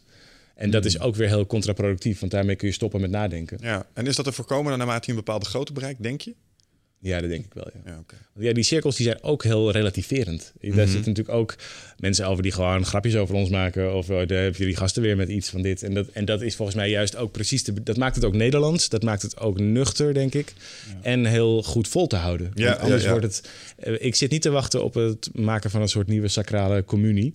Eh, Iedereen van die jurken aan. Weet je, Nee, dat- het is ja, het is, het is prachtig dat het bestaat of bestaan heeft, maar het is niet onze vorm. Nee, dat snap ik. Er zit wel een bepaalde Hollandse nuchterheid in. Hè? Als je dan kijkt naar eh, Amerikaanse retreats waar ik ben geweest... en dan werd je daarna in zo'n Facebookgroep gegooid... en dan, dan denk ik toch, ja, de dingen die die Amerikanen daarin posten... Ik weet het niet, weet je? Ja, maar dat is ook je Nederlandse bril, Ah, hè? dat is mijn die Nederlandse- ja, die is dat mijn heel Nederlandse achterdochtig en heel erg doe maar gewoon. Dan, eh, gewoon Ja, en, en, ja. en- en- het is wel goed ik dat heb je- er ook wel bewondering klopt. voor, hoor. Ik heb Voor die dus- Ame- Amerikaanse overgave juist. Zeker, inderdaad. ja. En ehm, de, de, de, de stijfheid die we dan op evenementen hier kunnen ervaren. Dat Ja. er echt, moet echt even moeite doen om het ijs te breken. En daar, joh, eh, weet je, Amerikanen zijn zo gek als een deur, ook op vakantie. dan, dan geven ze het helemaal los. Maar ik ben altijd blij als er een Amerikaan bij is in een groepje, want die maakt wel de sfeer. Absoluut, Dus dat absoluut. is heel... Zeker. Hoe, doen- hoe doen jullie dat trouwens op je evenement? Hebben jullie ook van tevoren een soort activatieding wat je even doet? Of met z'n allen gek doen, springen, even loskomen? Eh, ja, we doen het wel eens, maar niet, niet zozeer vanuit het gek doen of buiten je comfortzone of zo, maar meer omdat het je eh, helpt om je beter te concentreren in Maar je, het doet- maar moment. je doet het wel. Ja, we doen we hadden laatste keer de grote... Ik vind dat helemaal niks. En Nee. eh, hij zei, we moeten het wel doen. Ik zei, oh, oké, weet je wel. Maar ben je er blij mee dat je het wel gedaan hebt? Uiteindelijk wel, ja zeker. Ja, er gaat, gebeurt iets met de energie in de zaal. Dus wij dat doen is het waar. Ja, dat is onmiskenbaar, maar... Nee, het is niet zo dat wij staan echt niet de hele tijd te springen. Het gebeurt een paar keer. Maar, maar je ziet wel altijd dat eh, daarna ineens weer mensen puntje van hun stoel. En Ja. dat, ehm, Ja, die zat hier, die zegt, elke 12 minuten moet er iets gebeuren. Ja, dat, dat is ook een beetje Tony Robbins ritme. Wij, wij zijn niet zo... eh, wij gaan Maar niet zo gewoon lekker. Nederlands ook. Nee, wij zijn iets kalmer dan dat. Ja, Ja, ja, ja, ja. ja, Maar ik hou wel van dansen. Het is ook gewoon leuk, toch? Ja, dat is ook, eh, kunnen we met elkaar heel erg serieus over zitten doen. En ik gaan ook een dance act opvoeren. maar ik nog daar- niet, maar... Maar daar kom je ook weer in dat stuk van, ja, we vinden het, we vinden het gewoon raar. Waarom vind je het raar om, om te dansen op een podium? Ja, voel ik raar, dat vind ik vreemd. Doe maar gewoon. Maar oké, dus eh, het is eigenlijk raar om te dansen. Dat is eigenlijk wat we hier hebben geleerd onszelf. Exact. Ik kijk naar mijn kinderen en die, eh, die doen niet anders. Ja. De hele tijd. Die kunnen net staan en dan beginnen ze al te dansen. En, dan, en, en wij leren ergens af. En dat, volgens mij bereik je ergens rond je veertigste of net daarna een soort eh, terminale staat van serieusheid. Ja. Waarin je, Terminaal. al- waarin je allemaal vindt dat dat allemaal niet zou kunnen en dat het allemaal niet hoort en dat je nu volwassen bent en dat je dat allemaal. En volgens mij is dat zo ontzettend contraproductief. Ik moet ook wel lachen als het dan bij, of als je bij die Indianenstam komt, dan heb je gewoon dikke kans dat er gewoon een kerel van 40 naar je komt en zegt: eh, Hey Arjan, top dat je bent. Ik ga even een liedje voor je spelen. Ja. En die speelt gewoon en die zingt voor jou ook echt op een Ja. meter afstand. En dan, Ja. ik merk gewoon mijn eigen ongemak van. Ja, dat is moeilijk. En dat is moeilijk. Is ja. fucking mooi, man. Die gast geeft gewoon heel zijn hebben en houden aan je, dat weet je wel. Fantastisch. En eh, ja, daar kunnen we nog een hoop van leren. Dus, en we hebben eh, daar bij ons, eh, wij maken veel gebruik van het idee van verschillende gewetens, waarbinnen je kunt, eh, eh, eigenlijk zijn dat de stemmen in je hoofd, zou je bijna kunnen zeggen. En het eerste is het kindgeweten, dat is, dat is heel puur speels, eh, maar ook soms nog wat primair. Dus dat kan ook, eh, eh, daar kan ook wel wat eh, snelle angst of eh, verdriet of zo in zitten.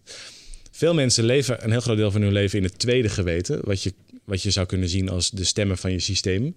Ja, doe maar gewoon. Zou je dat nou wel doen? Weet je het nou wel zeker? Is dat wel iets voor jou? Heel beschermend, maar vaak kleinhoudend. Ehm, en veel mensen denken zo over zichzelf. Dat is eigenlijk het eerste wat ze altijd horen.